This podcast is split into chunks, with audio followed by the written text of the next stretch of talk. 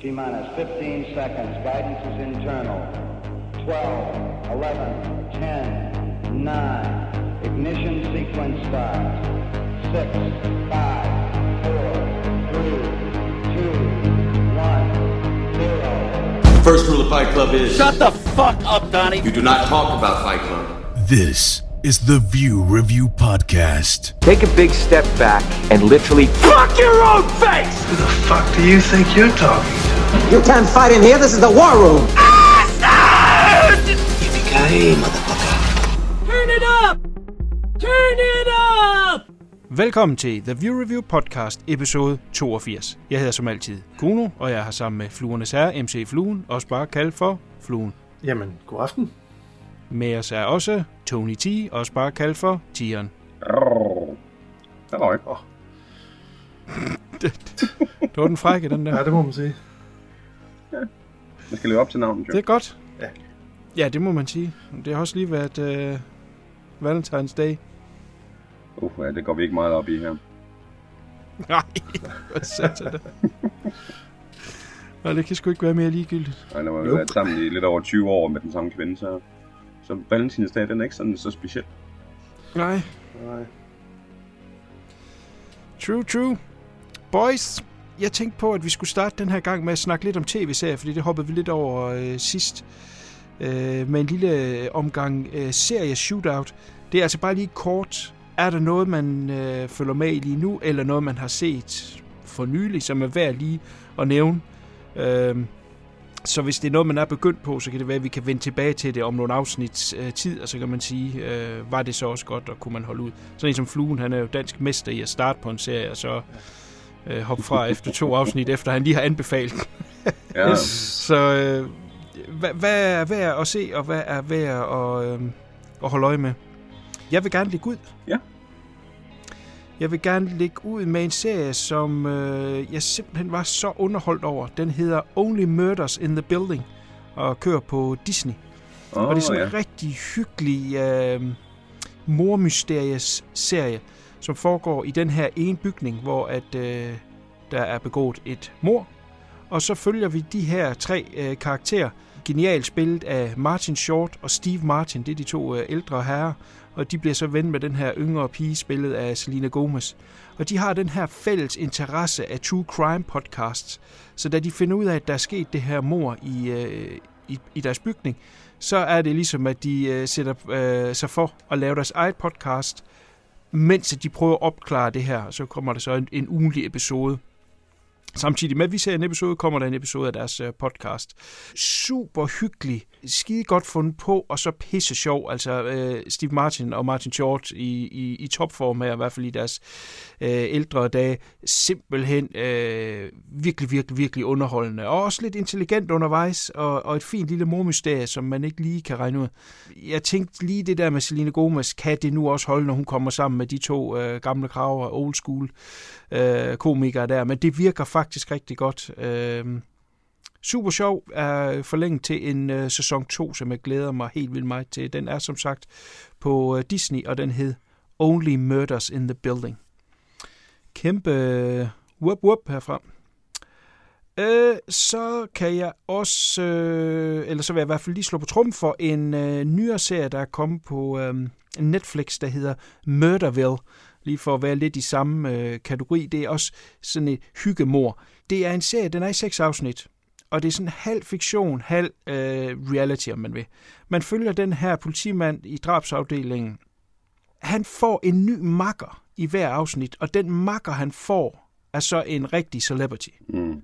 Som for eksempel er Sharon Stone, det er øh, Ken Jeong, det er Conan O'Brien, og der er også et eller andet øh, amerikansk fodboldspiller. Jeg aner ikke, hvem det er.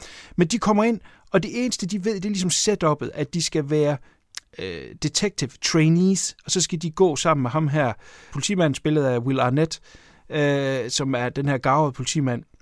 Og så har de ikke fået udleveret noget manuskript, så de kommer bare ind, og så øh, på, på sættet i den her scene, og så er det ligesom Will Arnett, der sætter det op til øh, et eller andet form for dialog, der skal være, og så skal de egentlig bare selv finde på deres dialog, og så får de så nogle clues undervejs i scene 1, og så kommer vi over til scene 2, hvor det sådan øh, i The Morgue scene, ikke, hvor man kommer ind, og så står der sådan en retsmedicin, der fortæller lidt om livet, og det er en venstre hånd, der har slået ham her ihjel.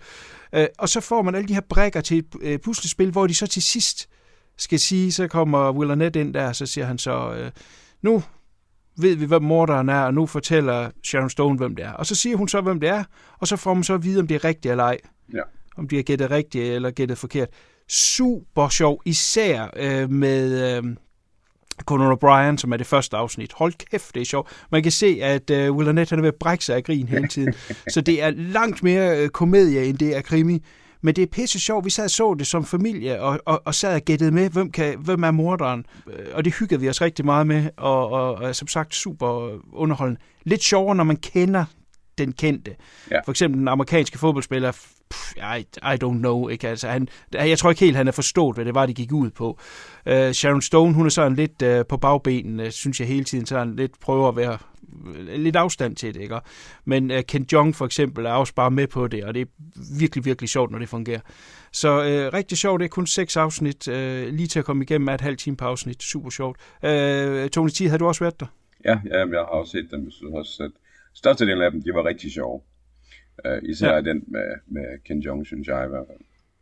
Uh, Ja, ja. ja, for han kan ikke lade være med at grine hele Nej, tiden. han skriger og griner nærmest hele tiden, og det er helt fantastisk.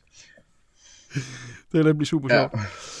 Det er god underholdning, men det vil sige, det, det fungerer, hvad skal man sige, på papiret fungerer det rigtig godt, synes jeg. Uh, sådan en sjov idé og setup. Men jeg synes, der er lidt langt Ja. ja. mellem snapsene sådan, uh, uh, af de store grin, men uh, man kan se, at de hygger sig med det, så det gør også en stor, en stor, stor ting op. Helt sikkert. Ved du hvad? Vi ser meget stormester herhjemme. Det der, der kører på, på uh, Zulu med uh, Ja, uh, Lasse Remmer, ikke? Uh, det kan være pissegodt, hvis de har de rigtige medvirkende. Og det er det samme, der er her. Ja. Det er simpelthen så afhængigt af, at den, de får ind, de celebrities, de får ind, er med på den. Og, og, og kan blive ved med at feed ind til det, fordi så bliver det sjovt. Jeg kan ikke huske, hvad ham inderen hedder. Der er ham den ja. Indiske skuespiller, de har med. Det er også pisse sjovt, noget ja. Med, hvor han skal gå på en eller anden speciel måde, ja, Ja, hvor man ja, er ved ja. at skraldgrine, ikke? At, at det er så åndssvagt, ikke? Fordi han er med på præmissen, han er skuespiller, så når du får sådan en eks-fodboldspiller ind, ikke? Som ikke rigtig ved, hvad han skal, han synes bare, det er sjovt at være med i en tv-serie. Ja. Øh, han, han var mere en spectator, der stod udefra, og de sådan skulle hjælpe ham meget. Så fungerede det ikke. Nej.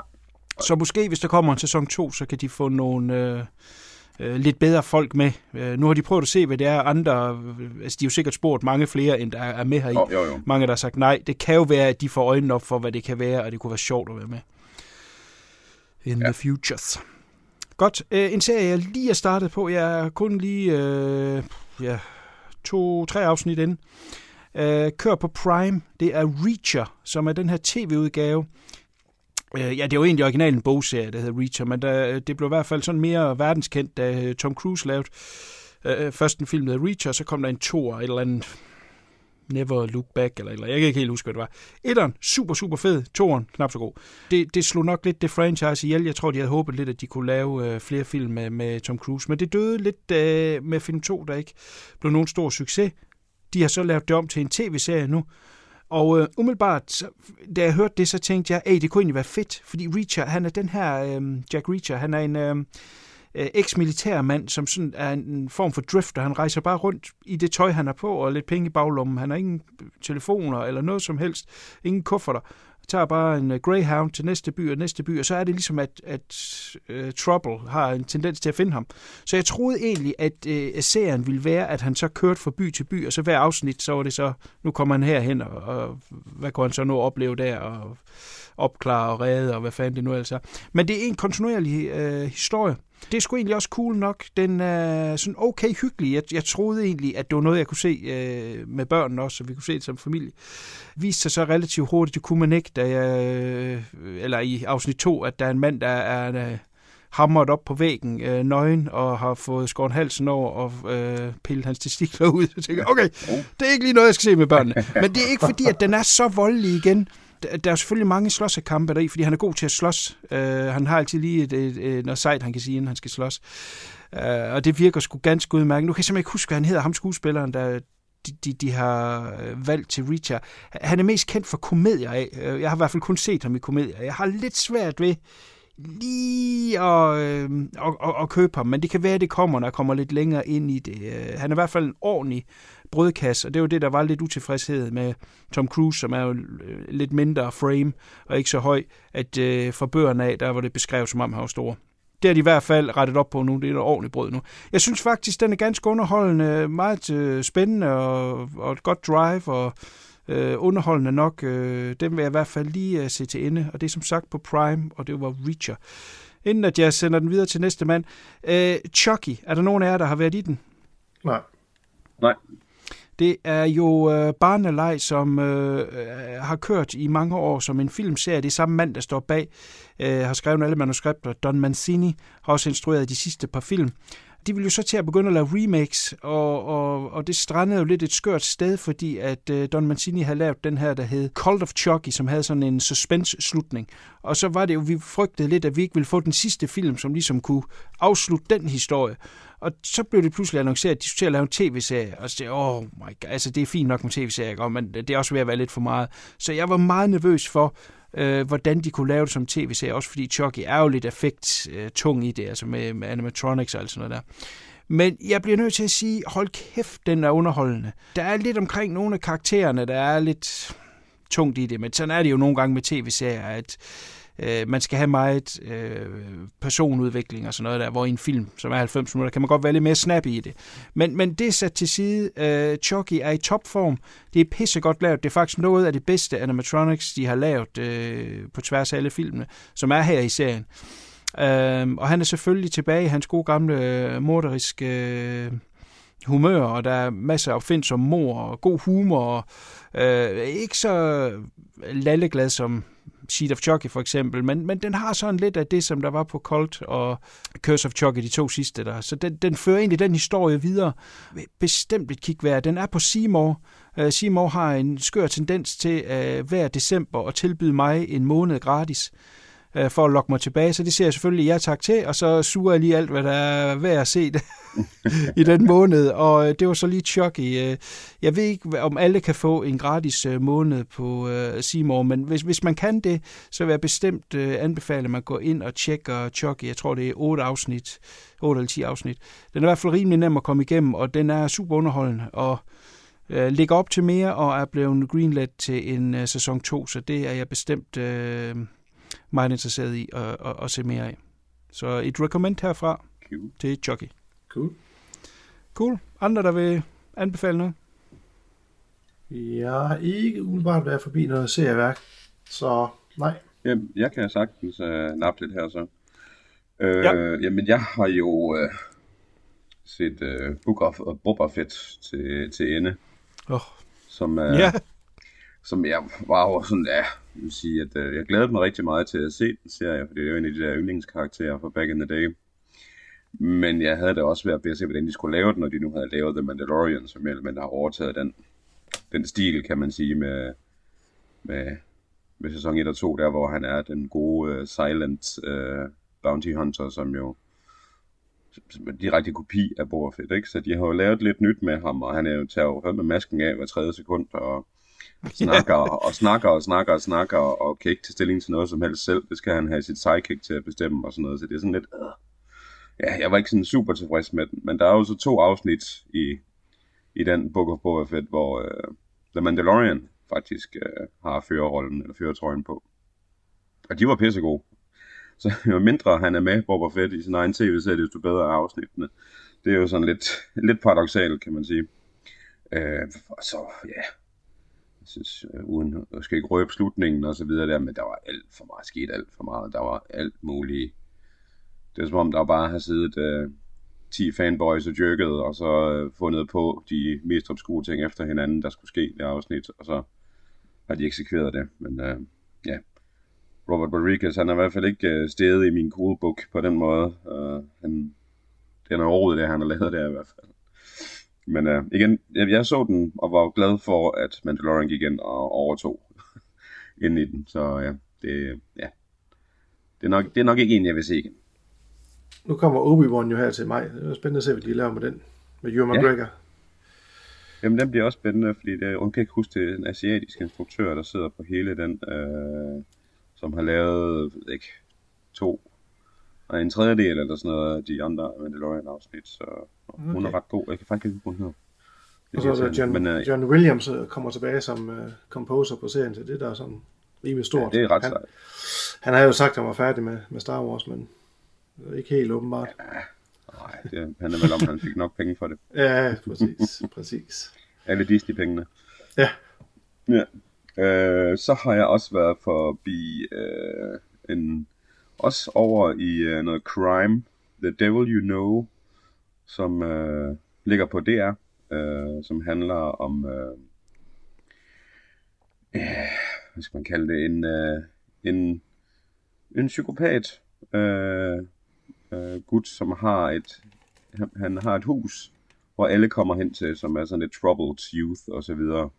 Øh, der er ingen regler der i hans hus, og man kan komme ind på sit glatte ansigt, men øh, der sker så mærkelige ting i det her hus, og går rygter om, at han har slået folk ihjel og spist nogen og alt muligt andet. Det ligger sådan lige sådan bibelbæltet i, i hvad det hedder, USA. Og han bliver kaldt djævlen og har tatoveret satan på sin arm og tatoveret i ansigtet og filet sine tænder ned. Så han er sådan rigtig uh, the poster child for satanism.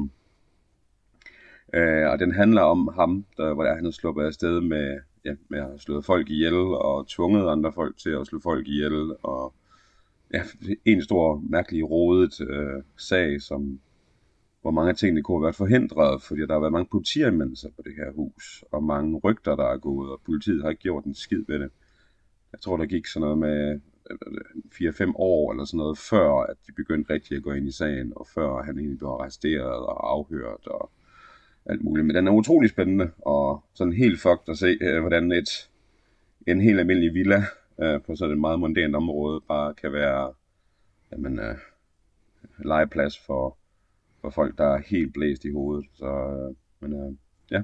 men en journalist, der prøver sådan at, at, at lave opklarende journalistik omkring, hvad der er sket her, øh, hjælper de hvad det hedder, efterlærte med at finde ud af at få agtindsigt og alle mulige andre ting. Så den er, den er bestemt et kig værd. Sæson 2 er der også, den er begyndt på os, men den er sådan lidt mere po- poleret og amerikansk i dens fremgangsmåde.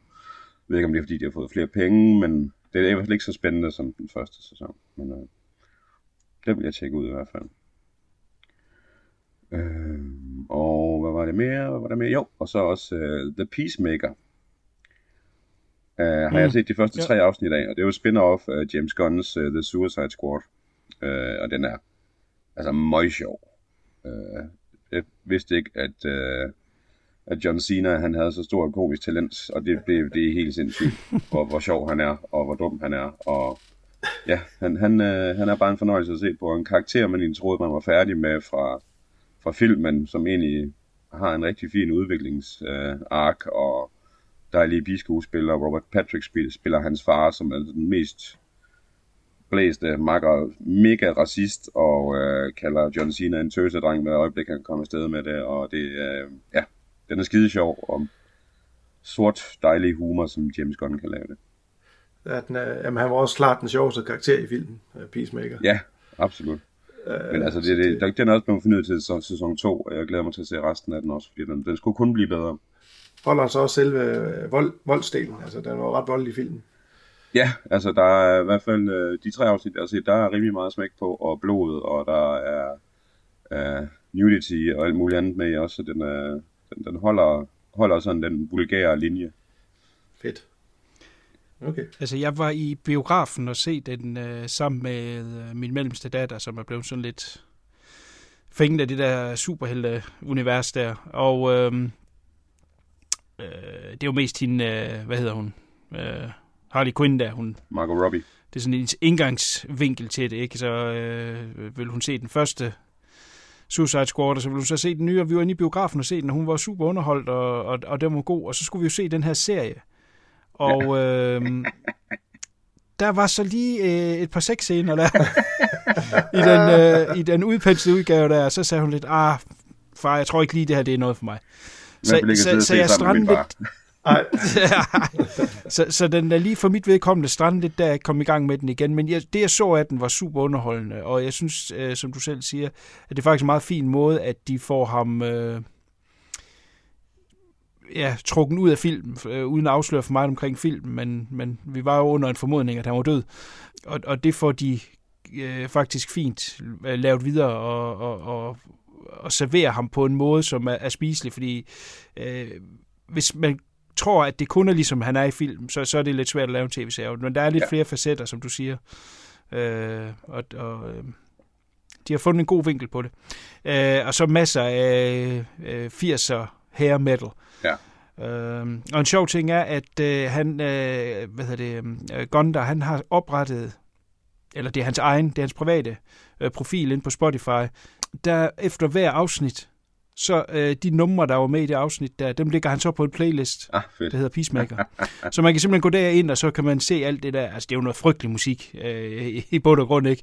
Men, men det er sgu meget sjovt at, at, at, at høre for Alaf, om ikke andet.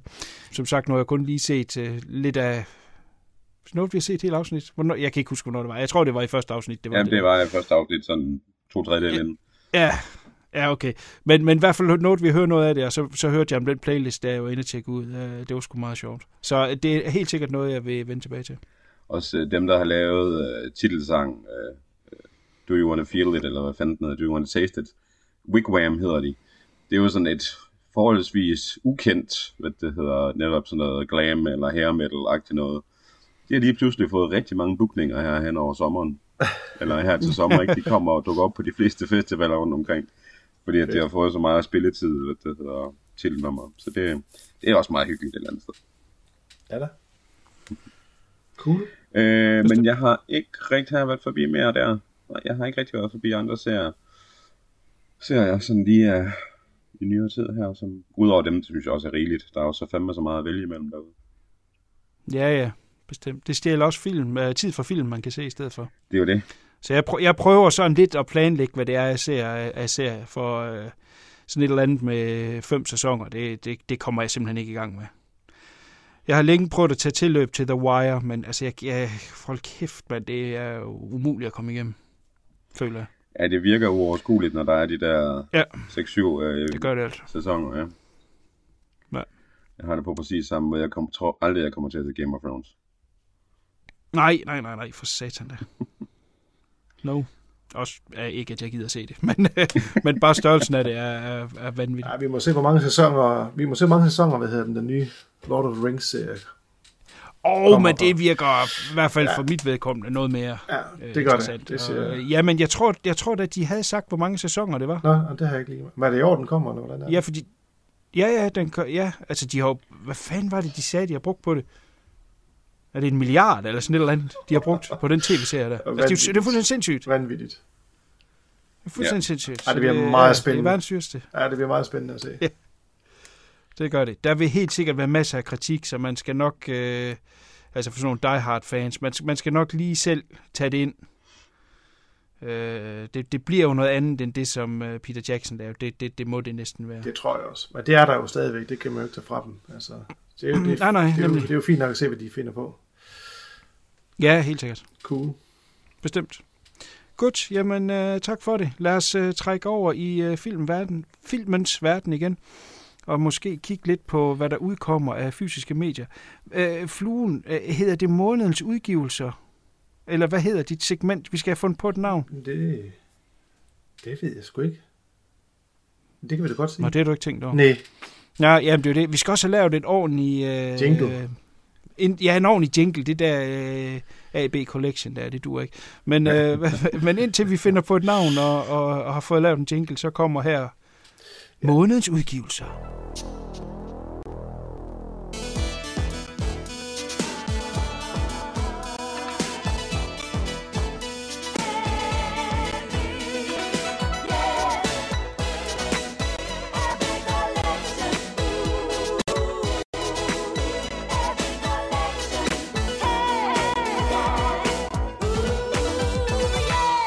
Der, der det kommer på fysiske medier, det er værende øh, Blu-ray og 4K diske. Og den her gang har jeg valgt at bare tage Danmark og USA, for det var sådan de to, der er mest interessant. Øh, og den er ikke så lang listen den her gang, så vi hopper bare på, hvad der udkommer fra nu og så frem til den 27. i 3. I Danmark, der kommer Halloween Kills, og det er både på 4K og Blu-ray. Så kommer Tombstone åbenbart øh, ud øh, på Blu-ray. Coming to America på Blu-ray. Lidt underligt, for den troede jeg faktisk var ude, men øh, åbenbart ikke i Danmark. Så har vi... Men det, Ja. det er ikke sammen med Coming to America. Jo, det er Coming to America. Altså toren. Altså, jamen, jamen når det er to Ja, det er toren, ja. Sorry, det er mig, der ikke var klar nok i spyttet, men det er toren. Nå, nå, nå, nå. Men den har jo også været tror jeg da ikke er ude streaming af eksklusiv stykke tid, så det er jo nok det. Ja, nemlig nok. Det er nok det. Ja. Øh, så nævnte vi det sidste gang også, jeg tror måske enten har datoen været rykket, eller så er det bare overlappende, men Ghostbusters Ultimate Collector's Edition på Blu-ray, uh, Murder on the Orient Express Blu-ray, Nightmare Alley Blu-ray, og så kommer den helt store, som jeg i hvert fald ved, Kuno og jeg, øh, nok allerede har vi den bestilt, The Godfather Trilogy. Oh, ja.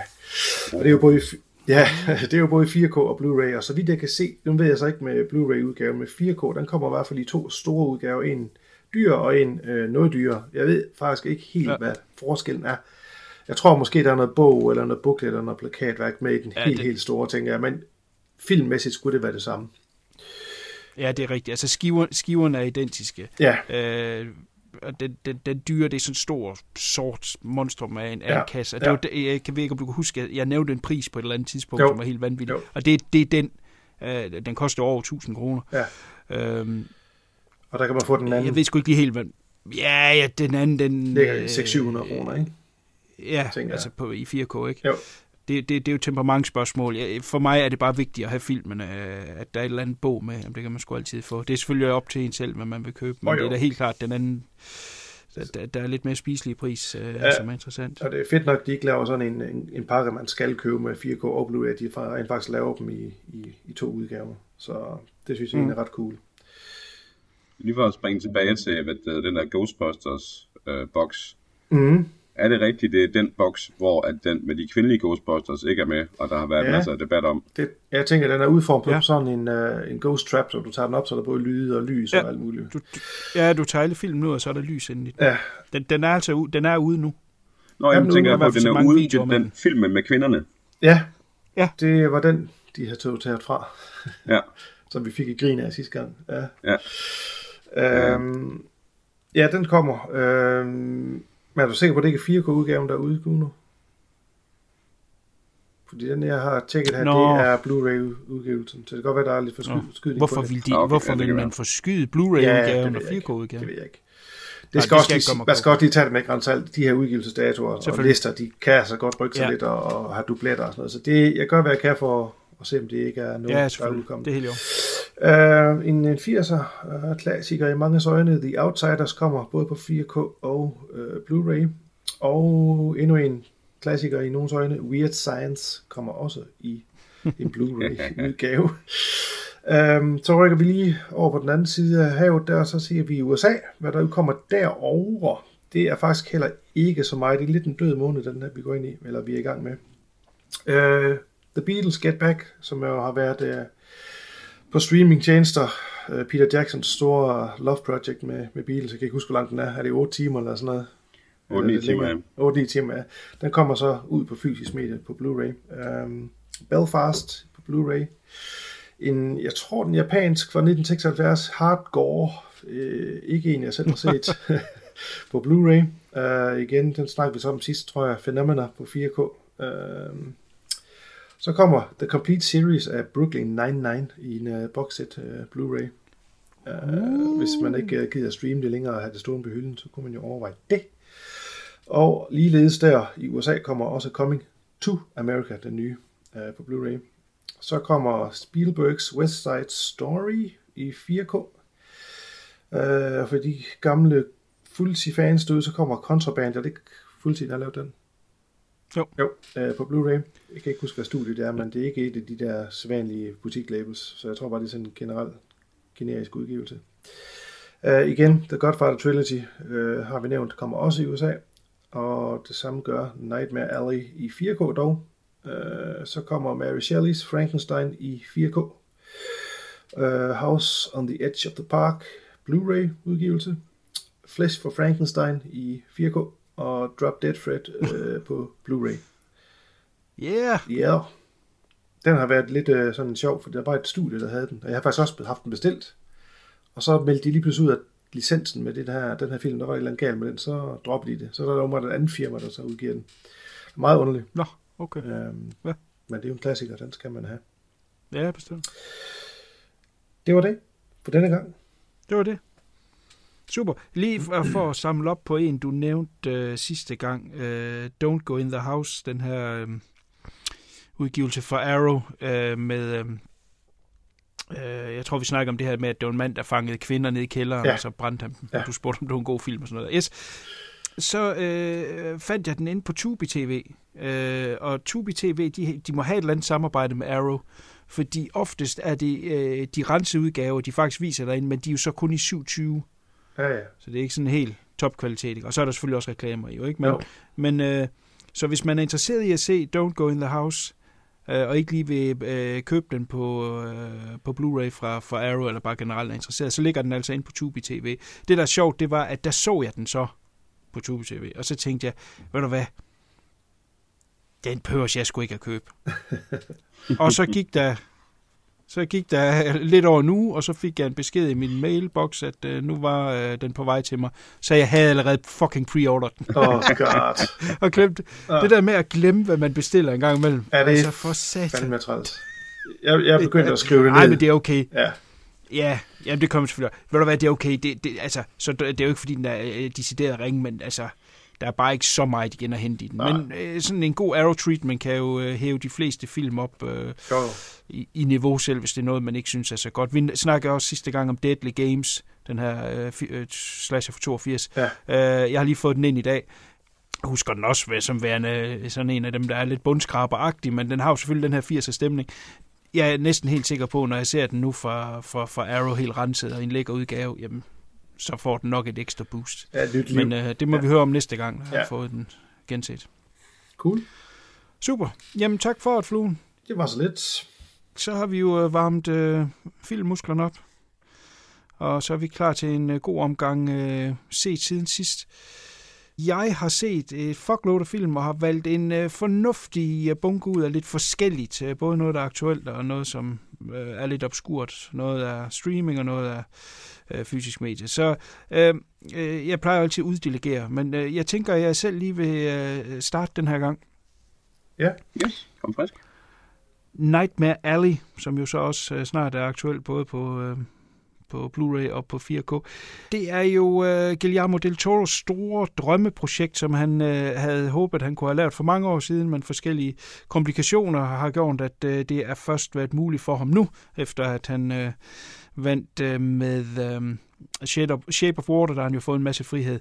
Og så var det jo så det her drømmeprojekt, han skulle lave, som handler om den her øh, cornman, som, øh, som stjæler sig frem til et øh, svindelnummer, som han så tager for det her skumle karneval, han øh, øh, arbejder i, og trækker til øh, den velhavende del og velhavende elite i New York. Men øh, øh, han kommer hurtigt ud, hvor han ikke kan bunde med det her svindeltræk, og det er så det, den her historie, den her øh, skæbnesfortælling øh, egentlig handler om. Det er lige sådan uh, the gist of it. Jeg har tidligere åbnet lidt op for, at jeg har lidt problemer med Guillermo del Toro, fordi jeg synes nogle gange, altså hans film er jo pisseflotte. Og det er den her også. Den er i hans, øh, hvad skal man sige, for, for, for ham er det sådan lidt en, en, en, en, en low budget film. Den blev lavet for 60 millioner dollars, og han er måske vant til at arbejde med de større budgetter. Øh, jeg synes, det er vanvittigt flot, hvad de har fået ud af det. Øh, jeg synes bestemt ikke, der mangler noget øh, sådan visuelt. Men til gengæld er den simpelthen alt, alt, alt, alt, alt for lang. Den er to timer og 30 minutter.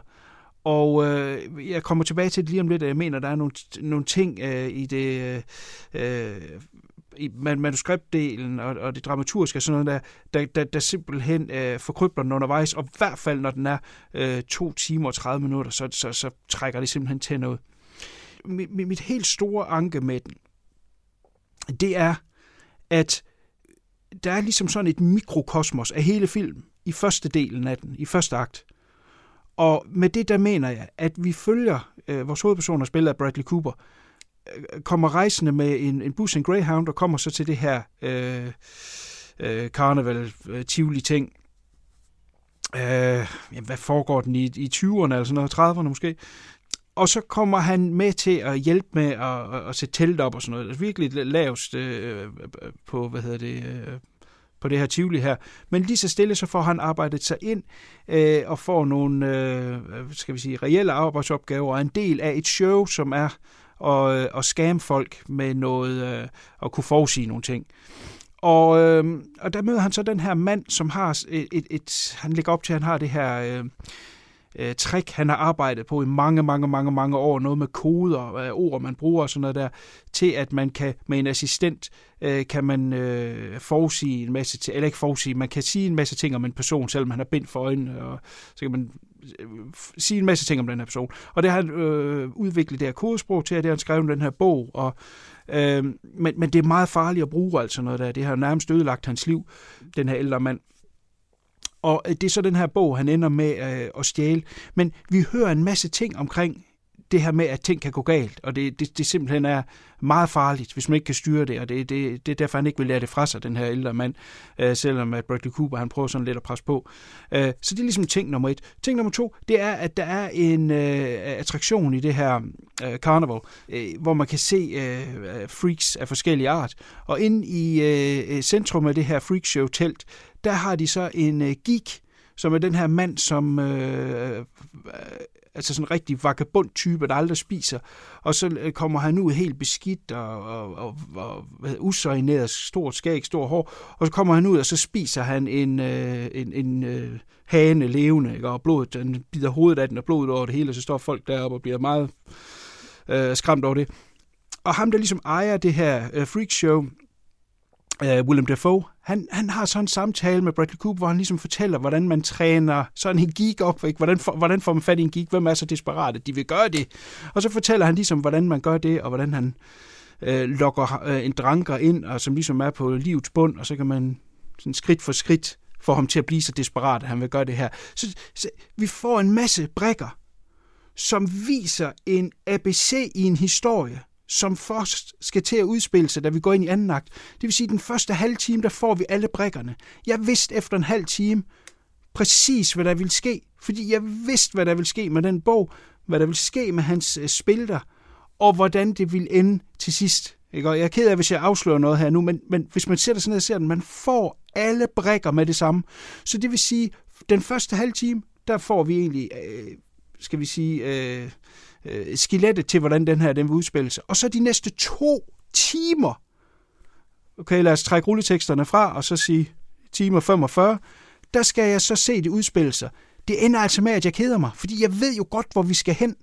Der er ikke nogen overraskelser undervejs, og det gør simpelthen, at jeg, øh, jeg, jeg synes, den, den, den simpelthen blev kedelig. Og, og måske endda decideret ligegyldig i den sidste ende, fordi jeg havde jo egentlig fået det at vide, jeg vidste, hvor den ville ende. Derudover så synes jeg simpelthen, det er utroværdigt, at øh, vi har det her øh, Tivoli Karneval i starten, som er pissebeskidt og rigtig varmt. Men der er bare de bedste mennesker i. Altså, øh, vi har den her øh, pige, som han bliver forelsket i, som altid er ren og pæn, og hendes tøj er ren og pæn, og hun er et godt menneske. Øh, hvordan det kan lade sig gøre i sig selv, det, det fatter jeg ikke. Jeg, jeg, vil, jeg vil tro, at livet dengang i, i sådan en karneval har været ret hårdt. nu har jeg set Freaks, sådan ser det altså ikke ud i dag. Øh, men øh, øh, hvorfor er hun det her gode menneske? Hvorfor, hvorfor går hun med til, at der er en geek? Hvorfor går hun med til, at øh, William Dafoe han øh, torturerer øh, et stakkels menneske for, at de kan tjene lidt penge, når de rejser fra by til by? Det gælder egentlig for dem alle sammen, fordi hun har så sådan lidt en guardian, øh, spillet af Ron Perlman, som er sådan uh, lidt butch over for Bradley Cooper. Nu skal du passe på hende og pigen, der jeg lov til hendes far, jeg vil passe på hende, ikke? Men de er fucking ligeglade med den gik der. og senere, så mødes de så, da de er rejst til New York og er blevet høj på strå af Bradley Cooper og så den her pige. Så kommer resten af de her cirkusvenner, de kommer lige på besøg op i deres hotelværelse, så er de alle sammen fint tøj på sådan noget der. Altså, de er jo nogen, der er på livets bund i et skød tivoli. Altså, det, det, det, det er simpelthen, karakteren er utroværdig. Det, det, det hænger simpelthen slet ikke sammen. Det er, øh, ja, godt. Og så til, til sidst vil jeg igen bare understrege, at den er flot. nogle gange så bliver Del Toro altså fanget i at lave utrolig smukt set design og effekter og, og, og, og stemning, og det hele, uh, det er så lækkert, og han ærer sig ind i det. Han glemmer simpelthen at lave en film. Jeg, jeg, jeg, folk de er helt op og kører over den her. Jeg kan simpelthen ikke forstå det. Altså, øh, øh, tag lige, øh, øh, hvad hedder det, øh, solbrillerne af, skulle jeg til at sige, ikke? Øh, kig nu lige, hvad det er, man får serveret. Man får alt i starten, og resten af det, det er simpelthen bare en strækøvelse i øh, design og flot, og det er pisse lækkert lavet. Men det er bare uinteressant. Ja, ja, så er der nogle voldsekvenser undervejs, jeg kan klappe i hænderne over, men øh, når dagen om, og der går to og en halv time, var det det værd? Umiddelbart vil jeg sige nej. Den kunne have været øh, fin som en øh, time 45, måske. Øh, eller også så tænker jeg som et... Øh, øh, det ved jeg ikke, Tales from the Crypt-afsnit. Ikke? Den har ligesom den her skæbneshistorie, som Tales from the Crypt tit havde, ikke? om en mand, der har et begær, og så ender han med at komme galt afsted. Ikke? Så sådan en, 45 minutter, en time, eller hvad det nu var, øh, Tales from the Crypt var, der ville han være god. Som den her film, øh, øh, folk snakker om, at øh, Oscar nomineret, og det simpelthen er så fantastisk. Ej, stop nu. Jeg ved ikke, om I andre... Det lyder som om, at Tieren også har været der. Øh, hop ind. Ja, men jeg glæder mig bare utrolig meget til at se den. Men øh, du, du sælger den ikke ret godt. Nå, du har ikke set den endnu. Sorry. Ja, nu har jeg så lige øh, ødelagt det for dig. Har du været der, Fluen? Øh, nej. Det kommer jeg heller ikke lyde til. Nå. Jamen, det er jo temperamentsspørgsmål. Altså, jeg ved jo, at uh, Tony T. han er meget glad for uh, ja, Del Toro. absolut. Så, så, så, så jeg har jo nok ikke skræmt ham væk. Nej, nej. Øh, så det, det er jo et, altså igen, det er jo, hvad, hvad man kan lide. Jeg synes, hans film minder meget om hinanden. Øh, det er sådan lidt både noget og ingenting. Øh, men jeg vil dog sige en film, jeg, jeg virkelig pissede på første gang. Øh, det var Crimson Peak. Ja. Øh, er det ikke den her? Jo. Jo. Øh, den, den synes jeg virkelig var skøjet første gang, jeg så den. Altså igen, øh, design over øh, substance. Altså, der var ikke noget i den, men den var pisseflot. Jeg har så set den efterfølgende, og der kunne jeg faktisk godt lide den. Så ja, øh, ja altså, det er også et helt andet based end uh, Nightmare Alley, skal jeg jo lige sige. Men ja. Jamen, jeg, jeg fandt også øh, flere gode ting ved den anden gang, jeg så Crimson Peak. Så okay. jeg var også lidt skuffet over den til at starte med. Men øh, det synes altid, det er en fornøjelse, som du også siger, at se hans film rent visuelt. Der er det jo bare lige skabet hver gang, ikke? Men ja. det skal ligesom hænge sammen. Og en god historie og, og nogle gode skuespillere også, ellers så falder det jo til jorden ret hurtigt. Ja, selvfølgelig. Men altså, det er lidt ligesom et, øh, et trafikuheld i slow motion, ikke? Altså, du ved, du rammer den mur der, og så går det bare utrolig lang tid, til du kommer derhen. Ja. Øhm, ja. Jeg er nok ene, øh, eller ikke, ikke ene, men jeg er nok i en lille lejr, fordi jeg ved, at der er mange, der er meget glade for den her. Øh, Ja. Jeg må stille mig uforstående. Godt. Hvem øh, tager næste depeche? Det kan jeg da godt. Øhm, vi kan gå til noget streaming. Jeg kan ikke huske, hvad det var. Det kan være, det var Blockbuster. Øhm, en dansk film, øh, som hedder Selvhenter, med af og med Magnus Milang og hans bror Emil Milang. Øhm, kort fortalt, så er det de her to brødre, som ikke ser ret meget til hinanden. De er faktisk fremmede for hinanden, for at sige det er mildt. Øhm, de bliver så bringet, eller bragt sammen igen, da deres far han så dør i Spanien, hvor han bor.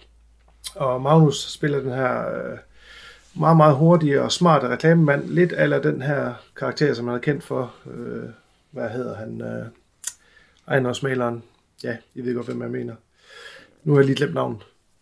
Pas, jeg kan, det, det kan jeg sgu ikke huske. Nej. Okay, men det er den samme karakter, han spiller her, bare som en øh, reklamemand. Øh, og han har kun øh, sig selv at tænke på. Han er virkelig, virkelig øh, egoistisk. Øh, og Emil, hans bror, er så den stik modsatte, der er sådan stille og rolig, og han finder sig i alt. Øh, og han kommer så til øh, Emil her for at eller Emil kommer så til Magnus for at sige, jamen vi skal ned og hente far, far er død, og så, nå, er han det? Jamen, øh, det har jeg sgu ikke tid til. Det, ej, puha, det må du selv klare. Det, det gider jeg ikke bruge tid på. Indtil han så en af hans øh, aftaler falder i vasken, og han ikke rigtig har nogen penge at gøre, og så sidder jeg og kigger på nogle gamle billeder fra dengang han var barn, hvor hans far har et øh, meget, meget dyrt Rolex-ur på hånden. Og så tænker han jo straks, ved du hvad, jeg tager sgu med ned og henter far alligevel, øh, så kan han lige nappe det ur, og så tjene penge på det. Og så kører den jo hele vejen, hele turen ned igennem Europa, det kommer til Spanien. Den er meget, meget, meget, meget forudsigelig. Man ved jo lige præcis, hvor den ender hen, og at de to bliver genforenet, og han ændrer sig, og der er rigtig, rigtig få grin i den, men den er virkelig bare det er sådan et rigtig standard eksempel på, hvordan man øh, ikke skal lave en komedie, fordi den er bare så forudsigelig, og der er bare intet sjovt i den.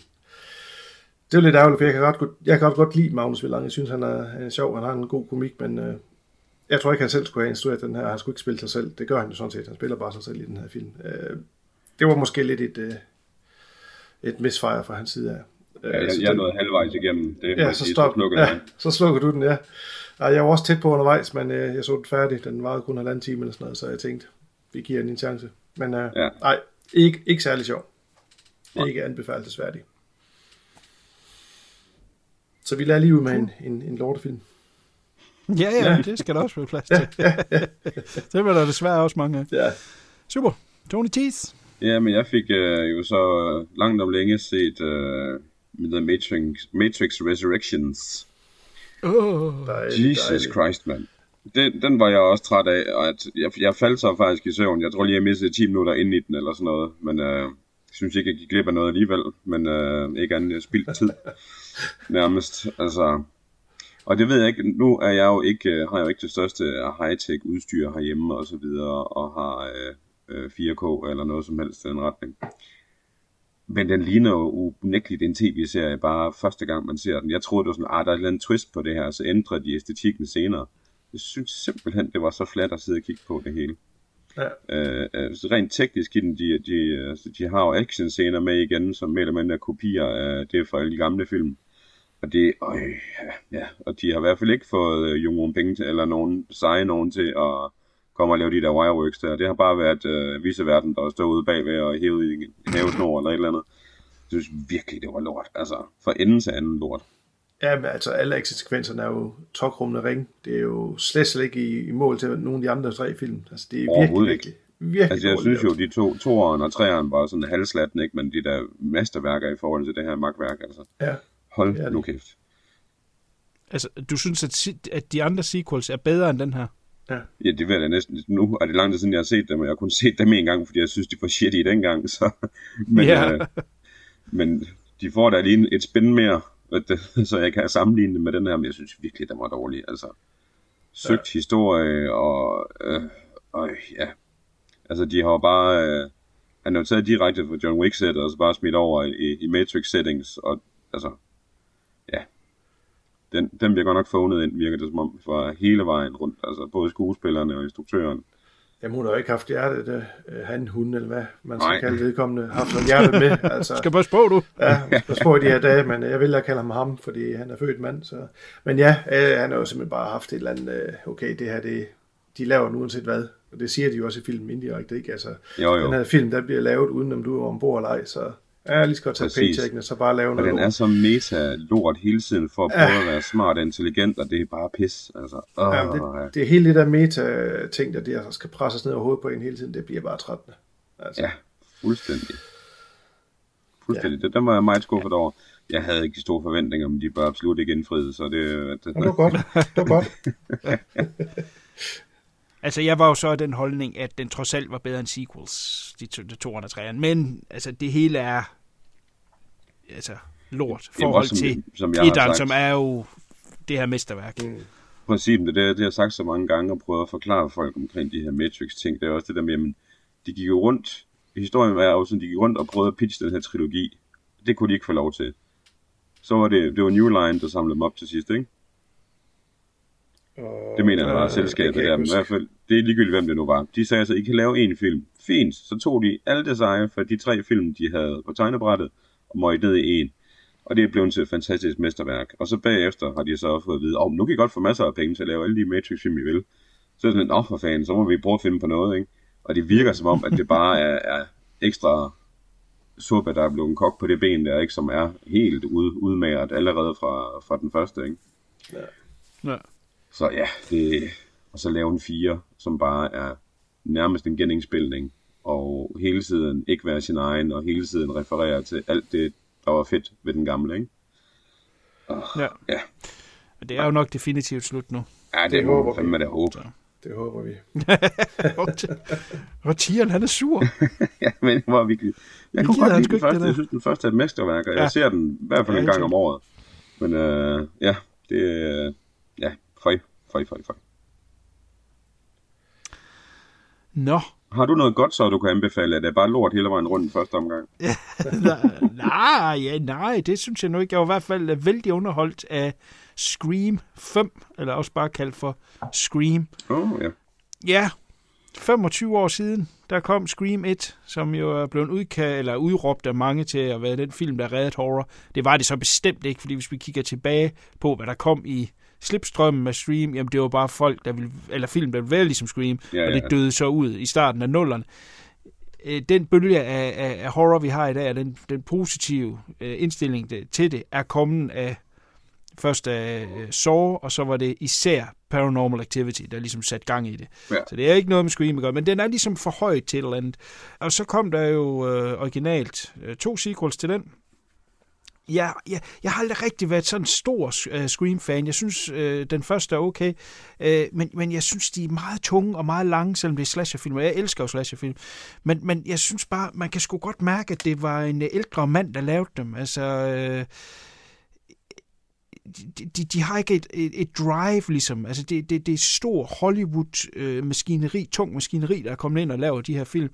Øh, etteren havde så til, at den var vidig og, og hvad skal sige, nyskabende, og det var alt det her metasnak og alt sådan noget der. Og det er også alt sammen fint nok. Jeg er endelig imod den. Jeg synes, den er fint nok. Øh, 203'eren, jamen, jeg, jeg har ikke jeg, jeg tvivler på, om jeg har set dem øh, efter jeg så dem i biografen. Øh, jeg har set alle øh, fem i biografen nu. Øh, træerne, det var... Øh, ja, der, der var de løbet helt tør for, for, for dampe. Og der var jo så også en lang årrække inden firen kom, som jeg egentlig synes var underholdende nok. Den prøvede at, at tage nogle nye ting. Nu var det ikke længere... Øh, øh, det var sådan noget, de, var nærmest i familie med hinanden, alle dem, der myrdede de tre første, ikke? og det begyndte at blive mere og mere latterligt, jo længere det kom ud. Firen, der prøvede de lidt noget andet, Ja, ja, nu kommer jeg til at tænke på, at det var egentlig også noget familie noget. Men, ja. men det mindste plottet af det var noget moderne omkring øh, social media og sådan noget der. Øh, ja, ikke helt vellykket, men det var sgu underholdende nok. Så hvad vi den her femmer, og det der i, i første omgang irriterede mig helvede til, det var jo, den skulle Scream. Hvorfor fuck skulle den hedde Scream?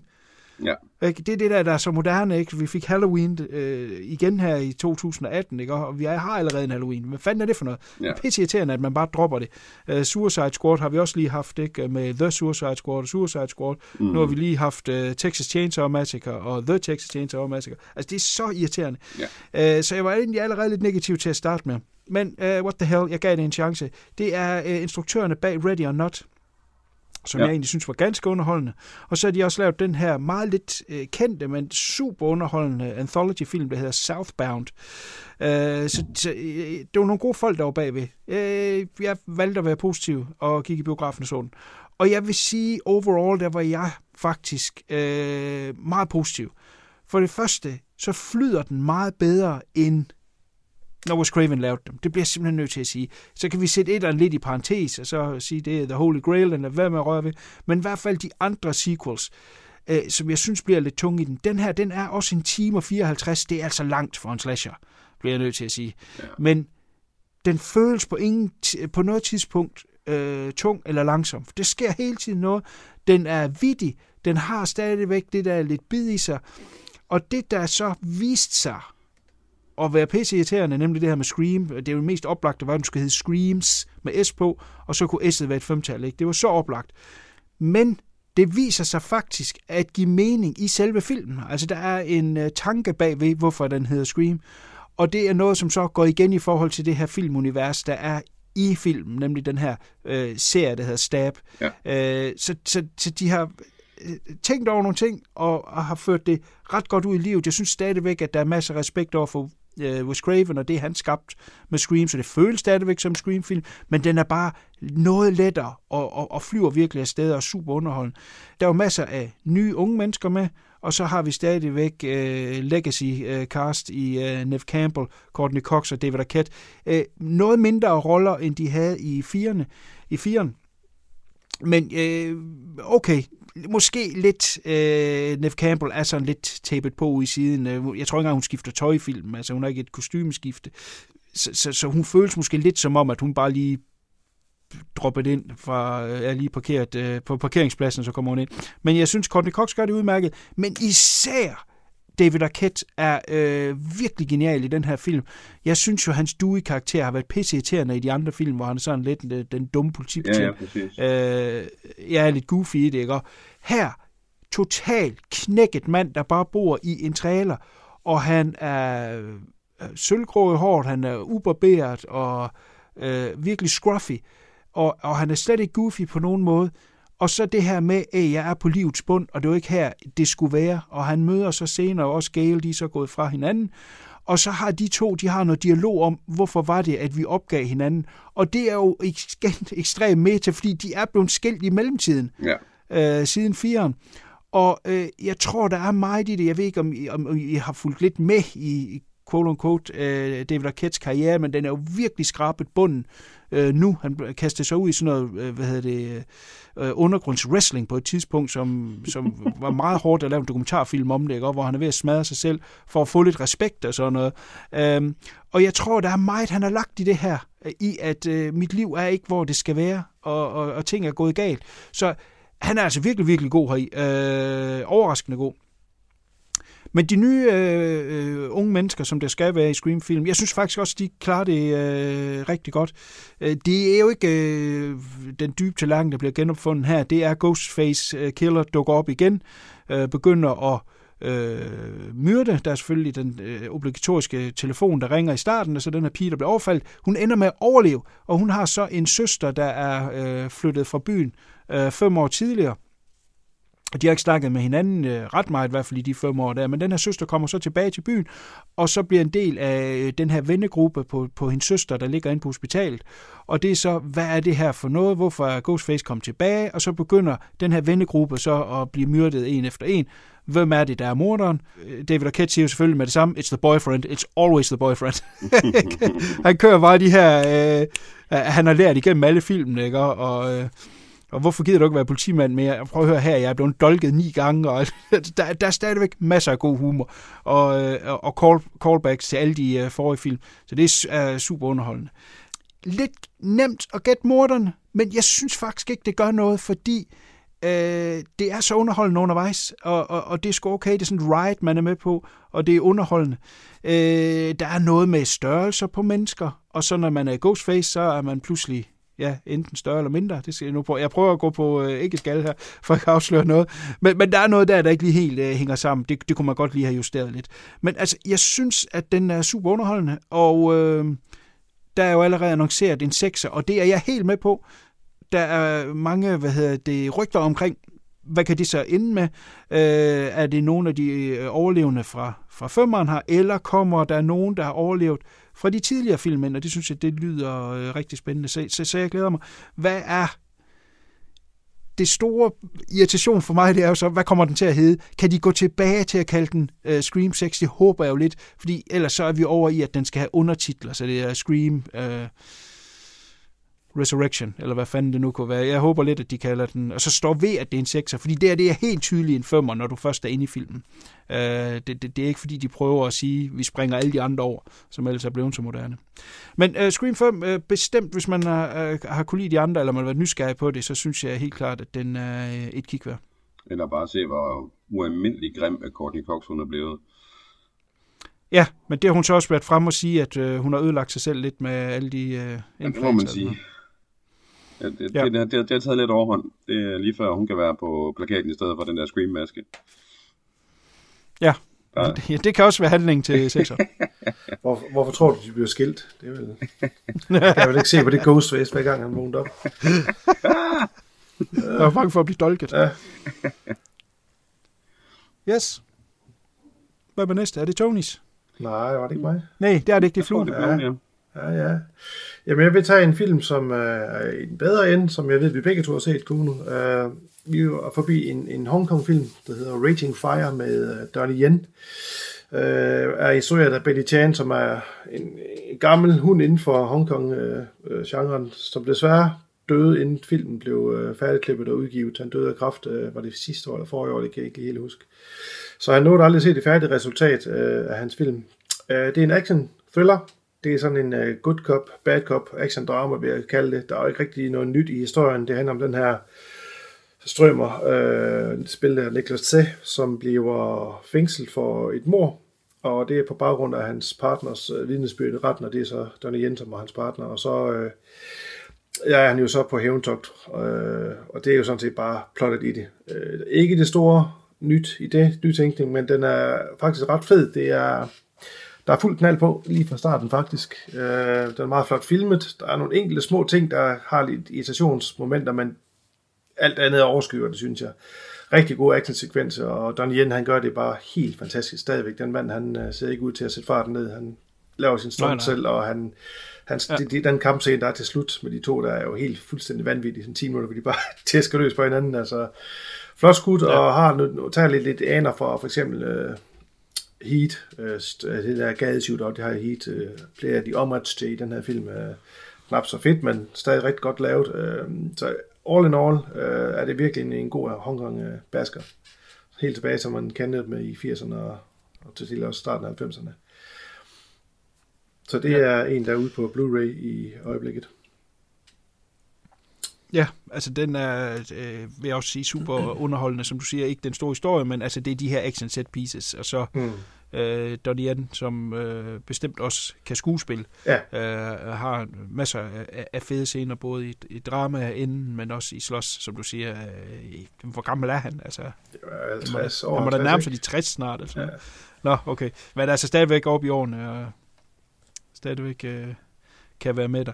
Øh, jeg så øh, faktisk, nu er det ikke en af dem, jeg vil anmelde her, men, men efter vi så den, så, øh, så så jeg faktisk øh, en anden, han har instrueret af Benny Chang, lidt ældre, den der hedder New Police Story, ja. som er med, med Jackie Chan. Øh, jeg kunne ikke lade være med at tænke på, at den har jo egentlig en lille smule, en snart øh, af, af det samme, øh, hvor at øh, der den her bande af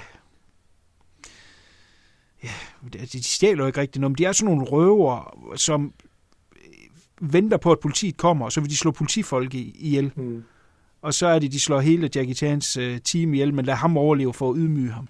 Og så vender de så tilbage igen, når han skal have hans liv på, på køl, og det er også Nicolas Che, der spiller den unge politimand, der vil redde ham. Yes. Uh, så, uh, så, så der er nogle ting lidt, der går igen øh, lidt øh, på et tidspunkt, da jeg skulle skrive om den her, for jeg havde nemlig også noteret ned, at jeg ville snakke om uh, Raging Fire, så var det sådan lidt, er det for den ene film, eller er det for den anden film?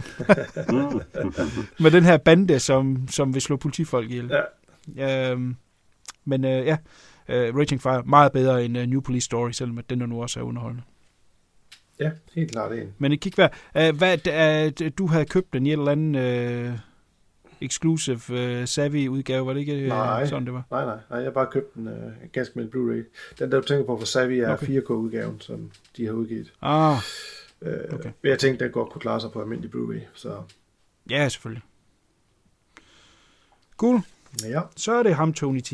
Yes. Jamen, øh, jeg har været på, på, på opdagelse inde på DR's side igen, og der har jeg så set den der dokumentar, som rigtig mange har set efterhånden, der hedder Candice for livet. Ja! Ja, ja, ja, ja. Og den er, altså, som, som folk siger, ganske enkelt fantastisk. Altså, utrolig spændende dokumentar om noget, jeg overhovedet ikke interesserer mig for. Uh, som er det her danstop, Candice virkelig jo kan levere på allerhøjeste niveau. Ikke? Og det er, og det er egentlig sekundært, som på den måde. Det handler mere om den her fandom, øh, de her, ja altså, øh, jeg vil ikke sige sørgelige eksistenser, men det er der altså nogle af dem, der er, øh, som, som har det her, har kun kendis nærmest at gå op i. Øh, en, en tragisk historie for, for en mand, en familie, at, øh, at hans kone begår, begår selvmord og efterlader ham med, med, med to døtre og og, og, og ja, og, og, for de er helt øh, ødelagt alle sammen, ikke? Øh, men, men, men de her mennesker, der er rundt omkring Candice, de, de, de her personligheder og, og, og skæve eksistenser, det er så fedt at sidde og se. Øh, og Jesper Dalgaard der, jeg ved ikke om han selv har, har filmet den også, men i hvert fald den, der har filmet den, har virkelig også haft sans for øh, iscenesættelse på den måde. At det er flotte billeder, øh, selvom det er en eller anden forfalden går ude på Lars Tønskeds marker, øh, og hvad skal man sige, nogle emner, som måske ikke er så indbydende at filme, så, øh, så får de virkelig til at fungere. Øh, jeg ved ikke, om I har set den. Jo, jeg har været der. Øh, den har fået lidt kritik sådan efterfølgende om også, at, øh, at den, der er nogle ting, der er iscenesat, og der er en, der kommer på en rejse på et tidspunkt, som er blevet betalt af instruktøren og sådan noget, og yada yada. Men jeg synes ikke, det betyder noget, de ting, jeg har fået at vide i hvert fald omkring selve historien og missionen med filmen. Så, så det har bare givet den mere omtale, kan man sige. Og det har gjort, at der... Jeg kan ikke huske, jeg kan ikke huske men det er sådan helt overdrevet, hvor mange der har været inde på DR's side og set den. Hvad synes ja. du om den, Kuno? Jamen, jeg synes desværre, at den er voldsomt mislykket. Ja. Sorry. Jeg vil dele den op i to. Det ene, det er selve Johnny Hansens historie. Ja. Og den synes jeg er betagende og, og, og, og spændende, og han åbner fuldstændig op. Der ligger ingen fingre imellem. Og, og, og han er en god fortæller, og jeg har faktisk fået en helt ny... Altså, musikken er frygtelig, Ja. men, men, men en ny respekt for, for den person. Og, og, han, og jeg har stor respekt for, at han åbner så ærligt op i forhold til, til konens selvmord, og hvordan han har det med det i dag, med at øh, han tager aldrig op og passer hendes grav eller noget som helst, for han er egentlig pisse sur på hende. Ja. Og det synes jeg er fantastisk. Jeg synes også, at øh, de har fundet nogle sjove, i gåsøjne, øh, øh, interessante karakterer at følge, som så er fans af det. Men når du har set hele udsendelsen færdig, så har du kun set de her sørgelige eksistenser. Og, og jeg vælger at sige det på den måde, fordi det er sådan, de bliver fremstillet. Ja. Og jeg ved, at Candice har mange, mange fans. Hvorfor er der ikke, hvorfor er der ikke nogen med, der er velfungerende? Hvorfor ser man ikke et el- øh, ældre ægtepar, det var svært at sige, øh, som bare godt kan lide det, og tager til deres koncerter, og så tager de hjem bagefter, og har et helt normalt fungerende liv, og kan øh, besøge børnebørnene, og, og, og være velfungerende. Det er øh, laveste fællesnævner, ikke? Og, Altså, det er folk, der begår selvmord, hvis de ikke hører øh, Candice. Der er den her kvinde, Ja. øh, jeg sad og så den sammen med min kone, ikke? og hun sagde, prøv at høre her, hun slår ham ihjel en dag. Jamen, det kan meget vel være. Hun er så syg. Ikke? Altså, hun har skrevet det her brev, hun har brugt flere dage på, ikke? og så går hun hen til hendes store idol der, og så giver hun ham bare det brev, der siger, nu læser du det her, og så snakker vi om det i morgen. Ikke? Altså, Ja. Jesus Christ, mand. Altså, jeg håber, han har bodyguards på, fordi hun er, hun er virkelig fucked up i hovedet. Og hun sidder og siger, jeg er, jeg er taber i livet, men nogen skal være det. Jeg kommer ud af Ja. det her liv som taber, og sådan er det bare. Min drømme kommer aldrig til at gå i, opliv- øh, i opfyldelse.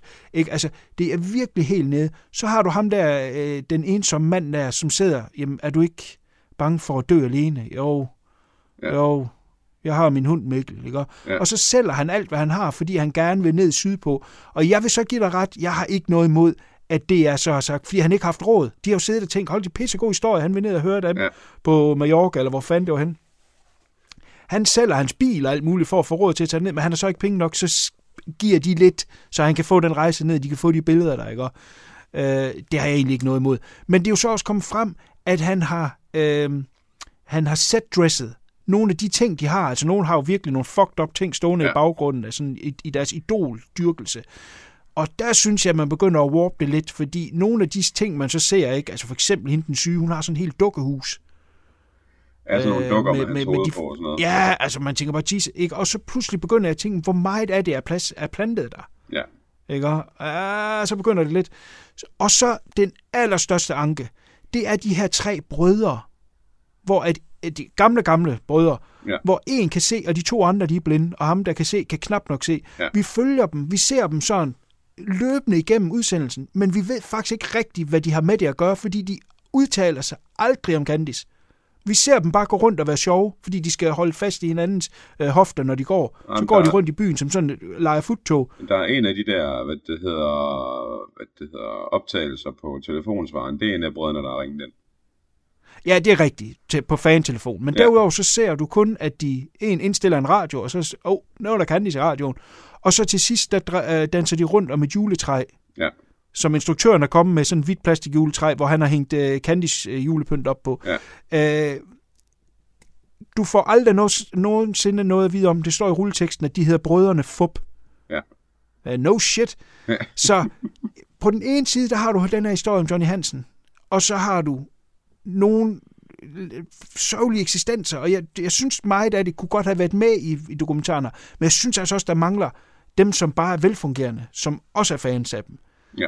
Den, den bliver hurtigt drejet over i, i, i noget skævt, ikke? Og, og, og, og han bliver sådan lidt ophøjet til, at han øh, frelser de her mennesker. Ikke? Og det er ham der, der prøvede at begå selvmord, og så øh, tændte han jeg vil lige ved at sige, at hans hund tændte radioen, men det var det ja. vist ikke. Men han, han tændte radioen, og så spillede den et eller andet sang, som så reddede ham fra det. Ikke? Og Ja. Fantastisk historie selvfølgelig ikke, men, men jeg synes altså, der mangler. Øh, der mangler noget. Det gør der altså. Sorry. Så det, jeg kom ud fra den, tænkte lidt, øh, den var der, men den var der ikke alligevel. Nej. Men, men den er et kig værd. Den er bestemt hvad jeg synes. Og de kom tilbage til de brødre der også. at Jeg, jeg, jeg blev sådan helt forelsket i dem. Altså, de er taget ud fra en eller anden skør og fransk øh, øh, film, øh, hvor de bare drønner rundt i baggrunden eller et eller andet. Altså, det, de, de er nogle utrolig dejlige tre øh, mænd der, som har, passer på hinanden, ikke? Øhm, Ja. Og det synes jeg også, at det sådan giver sig til kende. Godt nok er det nogle sørgelige mennesker, og en, der har mistet sin mor og brænder hendes tøj af, og sådan noget, fordi han vil ikke have nogen, øh, der går rundt i hans mors tøj nede i byen, hvor han, når han skal ned og købe Ja. ja. ind, og så videre. Altså, det, jeg, jeg har siddet og set en dokument, øh, den der dokumentar, der hedder De Særligt, De Særligt Farlige, der også ligger på DR, hvor det er de her udviklingshemmede, som øh, ikke kommer i fængsel, men kommer i behandling, eller forvaring, eller hvad fanden det hedder. Øh, og Ja. jeg drager altså mange paralleller over til det også, med de her fans, som er med i, i Candice øh, for livet. De, de er sådan lige på vippen til, at det, det kunne gå galt, det som siger, jamen, hun kunne godt finde på at være overskriften en dag, ikke? At øh, nu har hun... Ja. Øh, det er sikkert også inden, altså, ja, hun kunne godt finde på at lave noget helt skørt, ikke? Jo. Øh, men altså, det er også, efter den kom ud, den dokumentar der, der har han jo også fået sendt øh, lort i posten, altså, om det var hundelort eller var menneskelort, det ved jeg ikke, øh, og trusler og så videre, øh, på grund af det med konen, at han stadigvæk er sur på hende og så videre, går man ud fra, ikke? Ja. At der er nogle fans, der ikke kan holde til det, at, at han åbner op og, og siger de her ting, ikke? Der er jo nok også nogen, Ja. ja. der har været sure, han fandt en kone forholdsvis hurtigt efter, og, og skulle have nogen at dele resten af sit liv med, ikke? Og det kan man jo godt Ja. forstå. Men der er også bare nogen, der er helt blæst i bøtten, altså, som jo ikke... Ja. Ja, Ja, det er der. Men jeg synes, den er spændende. Jeg vil sgu være lidt den er- nervøs, den er-. Den er flot lavet, og jeg synes, at der er nogle ting. Mhm. Det kan godt være, at den mangler nogle ting også. Men den sætter også nogle ting i gang, man kan snakke om. Og det synes jeg er fedt. Altså, Ja. ja.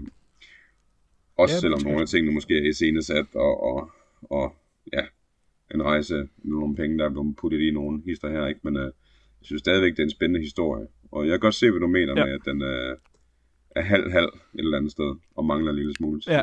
Men ja, ja, jeg synes, den var god i hvert fald.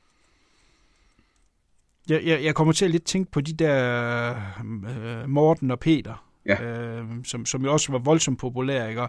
Og, øh, jeg havde en, en, en diskussion med konen en gang, hvor jeg sagde, jamen altså, de er jo også lavet lidt, de her udsendelser er også lavet lidt for, at vi, vi, vi skal også grine af dem. Ikke? Altså, det er jo ikke bare, jo. så vi kunne få et indblik i deres liv, og vi følger dem, men fordi man vælger jo, man kan jo sidde i klippesituationen og så sige, skal vi have, vi er på det forkerte sted. Skal, den med, eller er, den er for sjov, den tager vi sgu med. Så kan vi sgu lige grine af dem, ikke? Altså, det er, det er jo lidt af det. Sorry. Ja. Hvis folk sidder derude og føler sig truffet over, at de... Men vi griner af dem. Hey, de er mongoler, de siger noget sjovt, ikke? Øh, og, og det føler jeg også lidt her, fordi der er jo mange ting, man kunne have taget ud, ikke? Altså, øh, hvorfor skal han spørge ham der om, er du ked af, at, øh, er du bange for at dø alene, for eksempel, ikke? Altså, det, det, det blev lidt udstillet, synes jeg. Ja. Men, øh, lad, lad os gå videre, lad, lad den parkere der. Den er som sagt på DR. Jeg vil også gerne anbefale, at man ser den, fordi den er flot, og der er masser af gode ting i den. Ja. Øh, men, men tag det lige med et, øh, med et græns salt også. Ja. Cool. Øh, jeg vil hoppe på Tubi. High Kick Girl. Japansk karatefilm fra 2009. S- Vanvittig underholdende karatefilm. Altså sindssygt underholdende, men den er samtidig også pisseprimitiv. Den er rigtig low budget, hvis man ligesom kender de her øh, direkte til video japanske film. Altså det er ikke ligesom direkte til video som her i Europa. Altså det er virkelig low budget lavet. Men derfor kan der øh, sagtens være masser af hente hvor der er masser af fede direkte til video japanske film. Øh, og det her det er bestemt en af dem. Øh, man følger den her øh, skolepige, og det er lige fra starten af faktisk. Der går hun ind i sådan en dojo, og så går hun frem, og så siger hun, øh, jeg vil gerne slås mod alle jeres sortbælter. Og hun viser ikke rigtig nogen respekt, det er ikke noget med at bukke eller noget, øh, og så banker hun dem alle sammen. Og det er ligesom den første ting, jeg skal sige. Alt ses to gange, fordi det ser så fedt ud. Så vi ser det lige igen. Så det kan være i slow motion, men vi skal lige se det igen.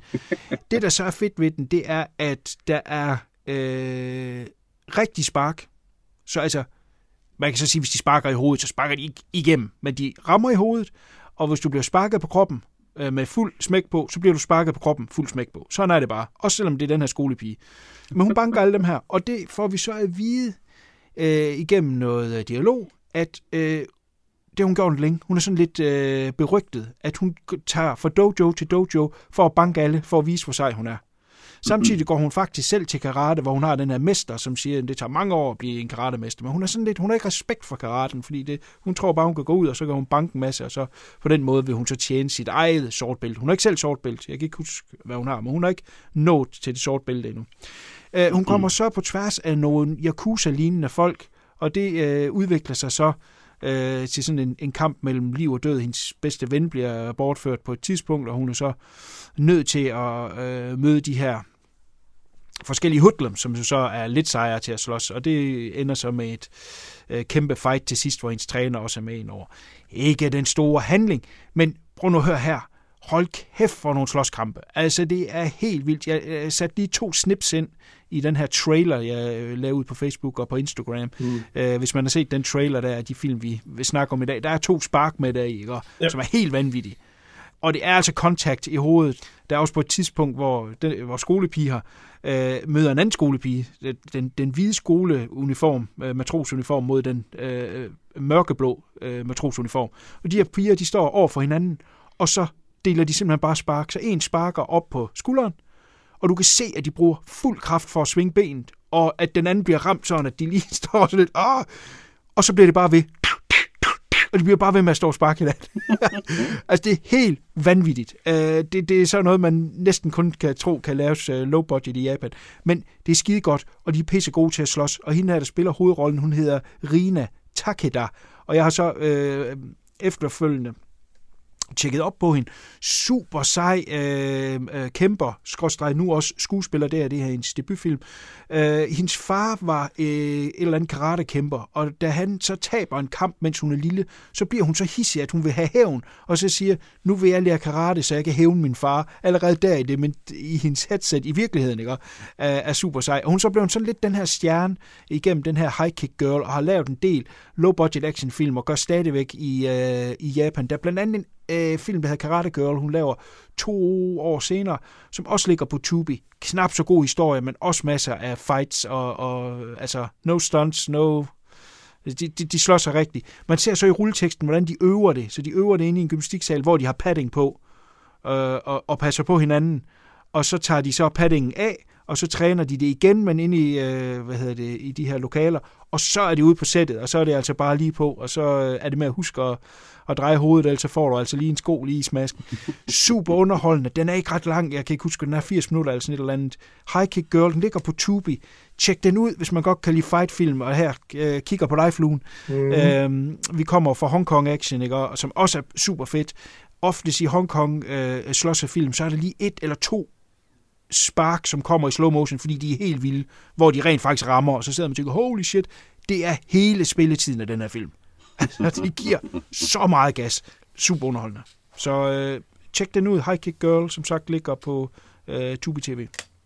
Og øh, hvis man godt kan lide den, Karate Girl, med, med samme skuespillerinde. Yes. Yep, Flue. Jamen, øh, så vil jeg også hoppe til DR.dk. Du omtalte sidste gang. En... Hvad fanden sker der? Har de lukket for Netflix? ja, også? det har de. Ja, de vil ikke sponsorere mere. Så. får, får vi vores licenspenge tilbage, når vi snakker om DR så meget? Det ved jeg ikke. Ja. Jeg hoppede på den her dokumentar, som du omtalte sidste gang, uh, for at the Capitol, som uh, følger det her angreb oh, ja. på Capitol Hill i, i januar 2021. Uh, og du har ret altså det er jo fuldstændig vanvittigt, hvordan en mand kan stå, at det har vi jo så set før i, i historien, ikke? men Trump kan stå der midt i en tale og sige, I burde marchere ned og, og vise, hvem der bestemmer. Ja. Og inden han er overhovedet færdig med hans tale, så er alle folk jo på vej derned for at angribe. Altså, det er jo helt, mm. helt vanvittigt. Uh, men den er så spændende, for man ser det jo fra begge sider, ikke? og man sidder bare på kanten af stolsædet og bare tænker, det her, det foregår ikke i, i dagens Danmark, han har sagt i, i, i verden i dag, men det gør det jo altså. Det er jo vanvittigt, ja. vanvittigt, vanvittigt spændende dokumentar som egentlig øh, viser begge sider af, af sagen, og ikke, og egentlig ikke rigtig tager parti nogen steder. Øh, og det er det, der jeg synes, en dokumentar er god, hvis, hvis der er to parter, ikke, at, at de placerer sig midt imellem og siger, at der er begge sider af, af mønten på det her. Øh, vanvittigt øh, spændende dokumentar, og, og meget lærerig, så der vil jeg helt klart også anbefale folk at komme ind og se. Den er inde på DR.dk, så det er bare at komme i gang. Ja, nemlig nok. Ja. Det er sådan en, hvor den har begge sider. Altså, den, den prøver ikke at være moralsk Nej, over det. Præcis. Selvom at forhåbentlig så stenen lander på siden af, at det var forkert. Øh, så dem, der de her Proud Boys og sådan noget, de får også taletid. Altså, så, så det ja. er meget nuanceret øh, og de, den her vanvittige ja, ja, historie. De, de lægger jo ikke fingre mellem. Man ser jo det hele. Man ser jo hende, der bliver skudt indenfor, og man ser ham politimanden, ja, som ja, bliver, bliver taget af mobben, ikke, og er ved at blive ja, henrettet nærmest ikke, inden at han når for ticket. Så. Ja, crazy. Jamen, den ligger som sagt derinde endnu. Der er en udløbsdato på den, men, men den ligger derinde noget tid endnu, så vidt jeg husker. Okay. Tony T. Ja. Berig os med noget fra DRTV. Jeg har set den her film, der hedder Shadow in the Cloud fra 2020 med vores allesammen Hit Girl, ikke Kick Girl, men Hit, Hit Girl den her gang, så Chloe Grace Moretz. Spændende nok film, som sådan en lille film, som handler om øh, hende vores hovedkarakter her, Chloe, som tilfældigvis springer på et fly, eller får tilsnusket sig adgang til et fly, et krigsfly, der skal flyve over Atlanten, tror jeg det er. Øh, hun har en taske med, og er meget hemmelighedsfuld omkring det, og har et dokument fra øverst kommanderende, at hun skal med på det her fly. Og de her mænd på flyet, de er ikke så tændte på at have en kvinde ombord. Øh, det øh, bringer uheld, og de er rigtig grove i munden med hende og alt muligt andet. Øh, og den eneste måde, hun kan få lov til at komme med på, det er, hvis hun sætter sig ned i the gunner seat, som er sådan under flyet, når de skal lette, og ja, faktisk under hele rejsen, er det meningen, hun skal være dernede. Øh, det indvilder hun så med eller, til at, at gøre, og øh, ja, så, så sker der nogle mærkelige ting, mens hun sidder dernede. Øh, det er som om, at der er øh, monstre på færre, eller gremlings, som... Øh, og ikke er forvekslet med de der fine grønne nogen fra, fra, fra 80'erne, men nogle nye nogen, som øh, er mere hen i, der har lavet sådan en, en snor snup tegnefilm på et tidspunkt, hvor der er også nogle gremlings med. Det er sådan lidt over i den stil, sådan nogle lidt, lidt creepy, nøgne aber-agtige ting, som, øh, som ødelægger mekanikken, som er sådan et rygte, eller hvad hedder sådan noget, folk, et eventyr, et eller andet, som folk, der enten er ude at sejle eller ude at flyve, at de snakker om, når der er, er ting, der ikke virker og så videre, så er det Greenwings, der er på spil. Øh, men de virker egentlig sådan lidt irriterende og malplaceret, at de er med i den her film. Jeg ved ikke, om jeg har fået set den her. Nej, men øh, den er, altså, det, det er som om, de blander to film sammen, fordi at, jeg synes ikke rigtigt, det passer sammen med de her Gremlings. Øh, der er noget, de er fedt nok lavet, og der er lidt action med det, men i sidste ende, så er det faktisk overflødigt, det der er, fordi der er sådan en spændings kærlighedshistorie, som, øh, som udspiller sig, mens, øh, mens man følger med. Man ved ikke helt, hvor hun kommer fra, men finder ud af, at hun ikke har helt ren min i posen. Dokumenterne er forfalskede, øh, og hun hedder ikke det, hun påstår, og der, der er så meget polemik med det. Øh, jeg vil ikke afsløre sådan, øh, hvad der sker hen imod slutningen af filmen, for, for det er alligevel okay spændende nok at, at følge med i og, og se udviklingen i det. Men øh, jeg synes, jeg var okay underholdt. Øh, den ligger på, på Viaplay øh, til streaming. Men, men den kom ikke helt i mål. Det var som om, den prøvede at sætte sig på, på to stole på samme tid, og så skulle være ned mellem dem. Men øh, jeg kan godt lide hende, Chloe Grace øh, Moretz, der. Jeg synes, hun er en god skuespiller, og og har, har noget at byde på. Øhm, den... Var det ikke også Cinder med den der Mother Android, du nævnte sidst? Jo, lige præcis. Okay. Øhm, øh, jeg, har, jeg har også været forbi den. Øh, jeg, jeg, jeg synes, øh, du har ret i, at den har en fin stemning. Og, og jeg er også helt enig i, at øh, det Gremling noget der, det skulle ikke have været med Nej. Hvis man havde taget det ud af den, altså monsterdelen ud af det, og det kun var indholdet af kassen, kufferten her, Ja. Øh, som ligesom var øh, omdrejningspunktet, så kunne det have været en meget mere øh, spændende film, meget gribende film, fordi det andet, det bliver sgu lidt åndssvagt. Ja. Og så er der selvfølgelig også lige en enkelt scene, hvor hun kravler på undersiden af flyet, og jeg har også klippet det med i den trailer, Ja, ja, ja. hvor hun egentlig falder ud af flyet, og så er der et andet fly, der eksploderer, og så trykbølgen, den presser hende op. Ja. i flyet igen. Totalt åndssvagt. Så der er lige nogle enkelte ting, hvor den lige øh, mister det. Øh, det der med de der gremlings der, det er, øh, det er jo sådan nogle historier, man fortalte i 2. verdenskrig i virkeligheden.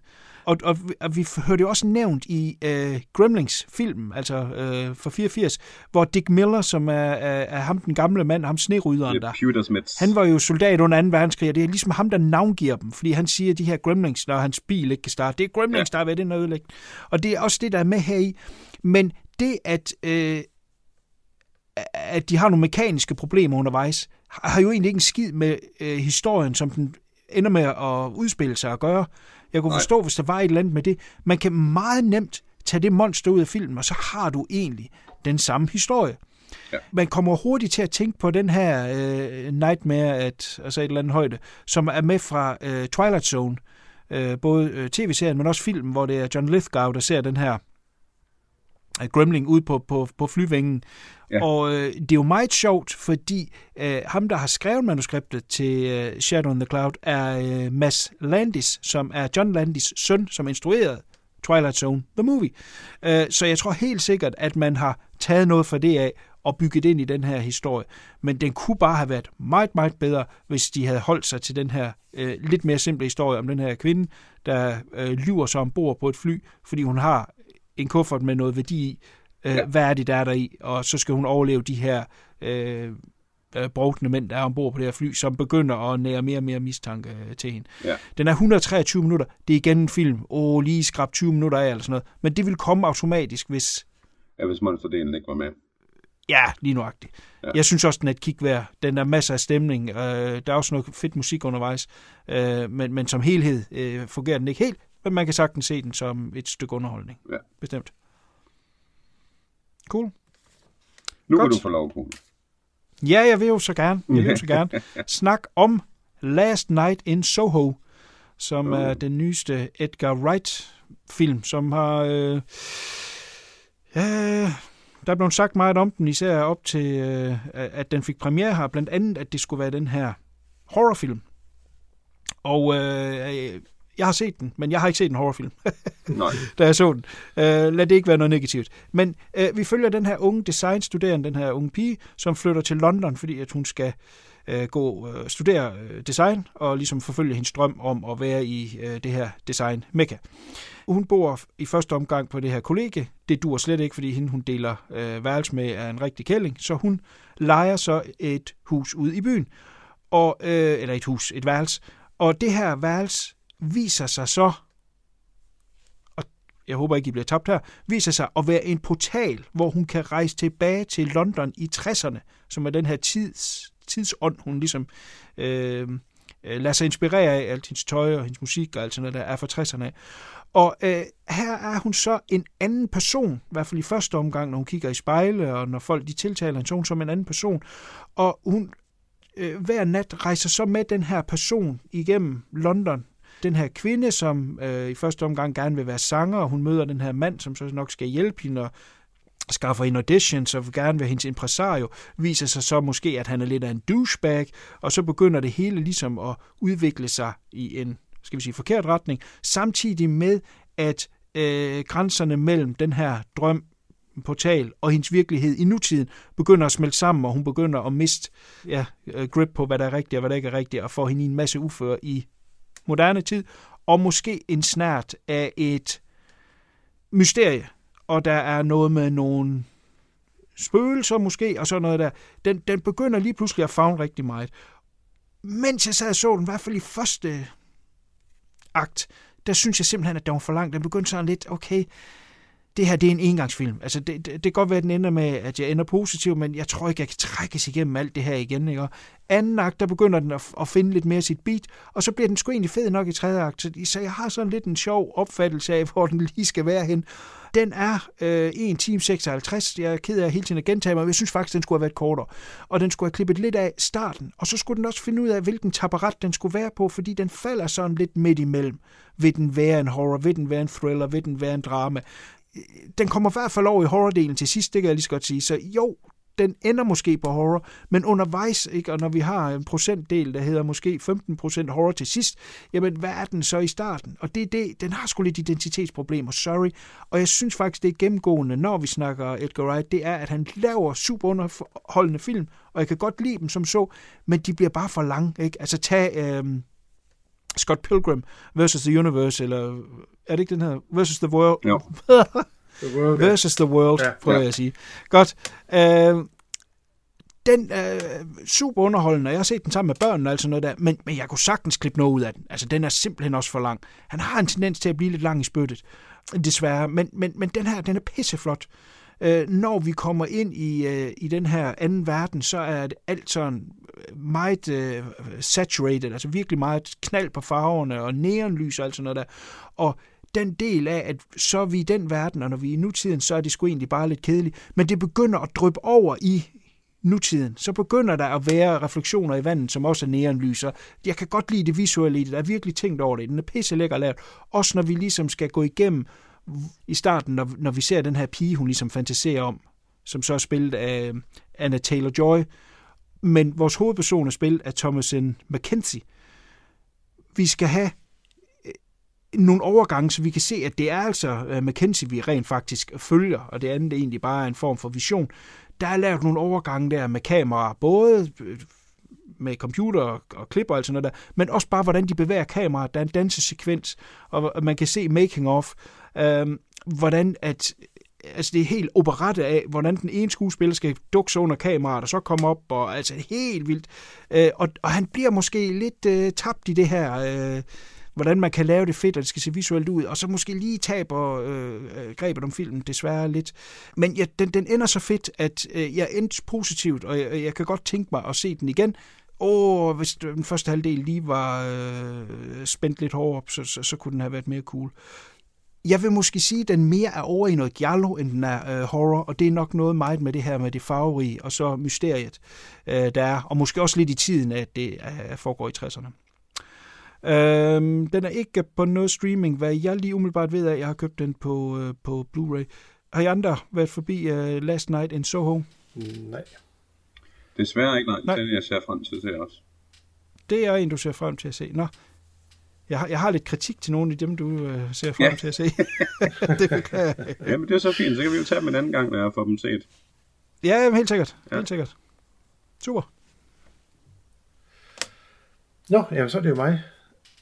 Jeg var øh, forbi, ja, det var den anden danske film på min liste, det er lidt unormalt, men øh, jeg var forbi Blockbuster for at se Ole Borndals nye øh, film, øh, Skyggen i mit øje, som er baseret på en øh, begivenhed, der foregik i øh, 1945. Øh, I marts der, i 1945, der skulle British Royal Air Force bombe Gestapos hovedkvarter i øh, København. Øh, en forholdsvis simpel øh, mission in and out, og så skulle de spærre den bygning. Men det gik lidt galt, for der er et af de fly her, der, der får smidt en bombe det forkerte sted, som rammer en skole, og det gør så, at der er flere bomber, der rammer øh, skolen, i stedet for det rigtige øh, mål, som var det her hovedkontor hovedkontor. Øhm, øh, det betyder så, at der er 120 øh, mennesker, der dør på den skole her, hvor 86 af dem, det var så var børn. Øh, den er utrolig flot lavet. Det ligner jo simpelthen øh, en, en Hollywood-produktion. Den er helt på højde med, hvad man ser, de kan spytte ud over. Øhm, men der bruger til gengæld rigtig meget tid på at springe rundt til de her forskellige personer. Rigtig mange mennesker, vi skal nå at knytte bånd til og, og få en, en relation til, inden det hele går galt. Og det gør altså bare, når det så endelig sker, øh, det her frygtelige uheld der, så, jamen, så rammer det ikke nær så hårdt, som hvis man bare har fulgt lidt, lidt færre personer, tror jeg. Øh, dog skal det siges, at børnene, de har castet øh, i den her film, gør det vanvittigt godt. Det er sjældent, man, at børneskuespillere de får ros fra min side af, men her i, der gør de det faktisk rigtig, rigtig godt, og det, det bærer faktisk en hel del af filmen. Øh, så på den øh, punkt, der- får den, øh, der får den øh, thumbs up. Men lidt, lidt, lidt mindre personer i galleriet, og så tror jeg faktisk, den har været der. Øh, vanvittigt flot lavet og godt instrueret, visuelt flot. Nu, nu, I traileren, der, øh, der er der den her øh, monolog, som en øh, engelsk general har. Ja. Og der har man så valgt ikke at få en englænder til at spille den her engelske general, men danske Kasper Philipsen, Mm. som har øh, godt nok gjort så meget i engelsktalende film. Blandt andet har han jo spillet øh, øh, en Kennedy, om det er Robert Kennedy eller John F. Kennedy, det har han gjort flere gange. Øh, men han er bare så tydeligt, at han er dansker i hans tale, og det gjorde min tær, de krummet helt om på den anden side af, af foden nærmest. Øh, jeg ved ikke, om de har skræmt mig væk som så, fordi at, øh, jeg har jo det her, der hedder krigsfilmsonsdag. Jeg havde faktisk sagt til min kone, den Mm. mm. måtte være på programmet på et tidspunkt. Men, øh, men, men er, det, er det meget stygt? Nej, øh, Og er, er der ikke englænder med? jo jo, jo, jo, men han er, hvis det er ham, der laver voiceover, så har han også en, en rolle i filmen. Jeg, synes, jeg blev ikke rigtig mærke i det. Det kan være, det har været noget temporary på traileren. Det, det skal jeg ikke kunne sige. Øh, mm. Det var ikke noget, jeg sådan lige Og man sagde. tydeligt er dansker. Ja, ja, men det er jo ikke noget, jeg synes, at, øh, at der sad kommenterer på noget tidspunkt overhovedet. Og der er ikke ret meget med med eng- engelske skuespillere, så det meste foregår med danske skuespillere.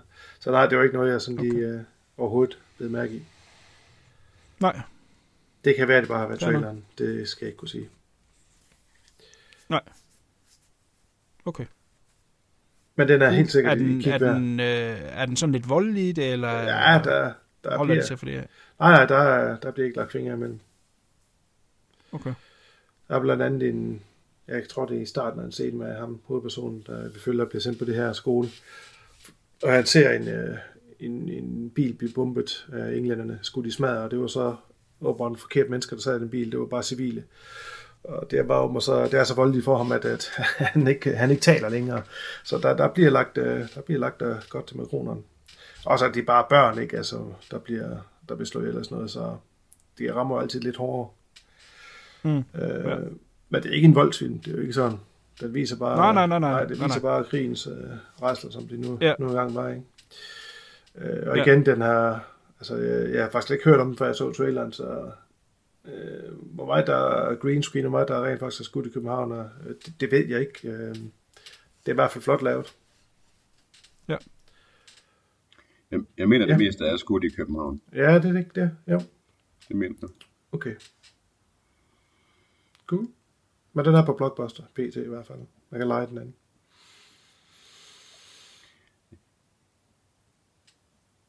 Jamen, jeg har ikke været forbi den, men øh, det er også en af dem, jeg gerne vil tjekke ud. Mm. Så ja, der, jeg synes, der er mange i øjeblikket, som jeg gerne vil tjekke ud, men det er også det der med, at biografen har været nede så lang tid, ikke? Jo. Man er håbløs bagud i forhold til, hvad man gerne vil have set i biffen og så videre, og ja, ja det, det er op ad bakke, men det er en god bakke at gå op af, fordi man får set nogle film. Jo, jo. Det må man sige. Ja. Ja, bestemt. Øh, jamen hvis, øh, så går jeg videre med, med, med, den, med den sidste film for mig for i dag. Det er Wrath of Man Uh, med Guy Ritchie. Eller ikke med Guy Ritchie, lavet af Guy Ritchie. Øh, på Netflix. Mm. Øh, med Jason Statham i, i hovedrollen. Og det er ikke øh, den sædvanlige højt sparkende øh, rap i replikken øh, pingpong, der er på samme måde, som man er vant til i Guy Ritchie-film. Øh, der er stadigvæk noget god øh, makker banter, øh, hvor de øh, sviner hinanden lidt til og så videre, men øh, ellers er det sådan mere straight film i forhold til, hvad, hvad Guy Ritchie er, er vant til at lave. Han er jo det er nærmest hans øh, signatur, det er vel nogen, der snakker meget hurtigt og siger kont hele tiden, ikke? Jo. Og det kan man jo så lide, eller ikke kan. Jeg, jeg synes selv personligt, det er meget fedt, og synes faktisk, det var ret cool, det han lavede sidst med... øh, med åh, hvad fanden var det, den hed? Nu den væk. Shit. Øh, det, det, det, jeg synes, det var rigtig fedt med det sidste, han lavede med Hugh Grant, hvor han lige pludselig den her slæske, øh, klamme øh, tabloid fotograf. Kan det ikke passe, var det i den film? Den der Gentle, Jo, jo, The. Gentleman, eller hvad den hedder. ja, frygtelig film. Frygtelig. Ja, jeg, jeg kunne egentlig godt lide den, sådan, at det hedder bare for ham, for Hugh Grants skyld, fordi sådan, at, at, Ja, man, ikke rigtigt. man er ikke vant til at se ham i den rolle. Øh, Nej, det synes jeg ikke, han gjorde skide godt. Øh, ja, filmen var ikke helt fantastisk, men øh, jeg synes, det er noget så værdigt på grund af ham. Øh, nå, men den her nye Wrath of uh, Man handler, det er en hævnfilm, øh, så man skal tage den helt ned. Øh, den udvikler sig lidt efterhånden, men for det først sådan, øh, hvad skal man sige, den reelle handling af filmen er vide sådan et stykke inden. Der er den her gut, som søger arbejde på, på et firma, der transporterer penge for, for banker og så videre, og han er vanvittigt højt, øh, eller han er for højt kvalificeret til det her job egentlig. Han sådan nedspiller hans evne til at løse konflikter og skyde og alle sådan nogle ting her. Det ligger de sådan lidt mærke til, øh, dem der står for at hyre ham, men de er nu meget glade for at få ham med, fordi at de kan godt lide nogen, der, der kan deres kram. Øh, og man finder også ud efterhånden, det er så egentlig en, en, en hævnfilm, fordi han skal finde ud af, hvem der har slået hans søn ihjel. Fordi der er de her bank øh, øh, her, de bliver plyndret en efter en af mange forskellige. Men altså, selv, specielt en bande, som specialiserer sig i at, at gøre det hurtigt og effektivt. Øh, og der bliver hans søn så tilfældigvis skudt øh, som bystander. Øh, og så vil han opklare det og finde ud af, hvem de her mordere er.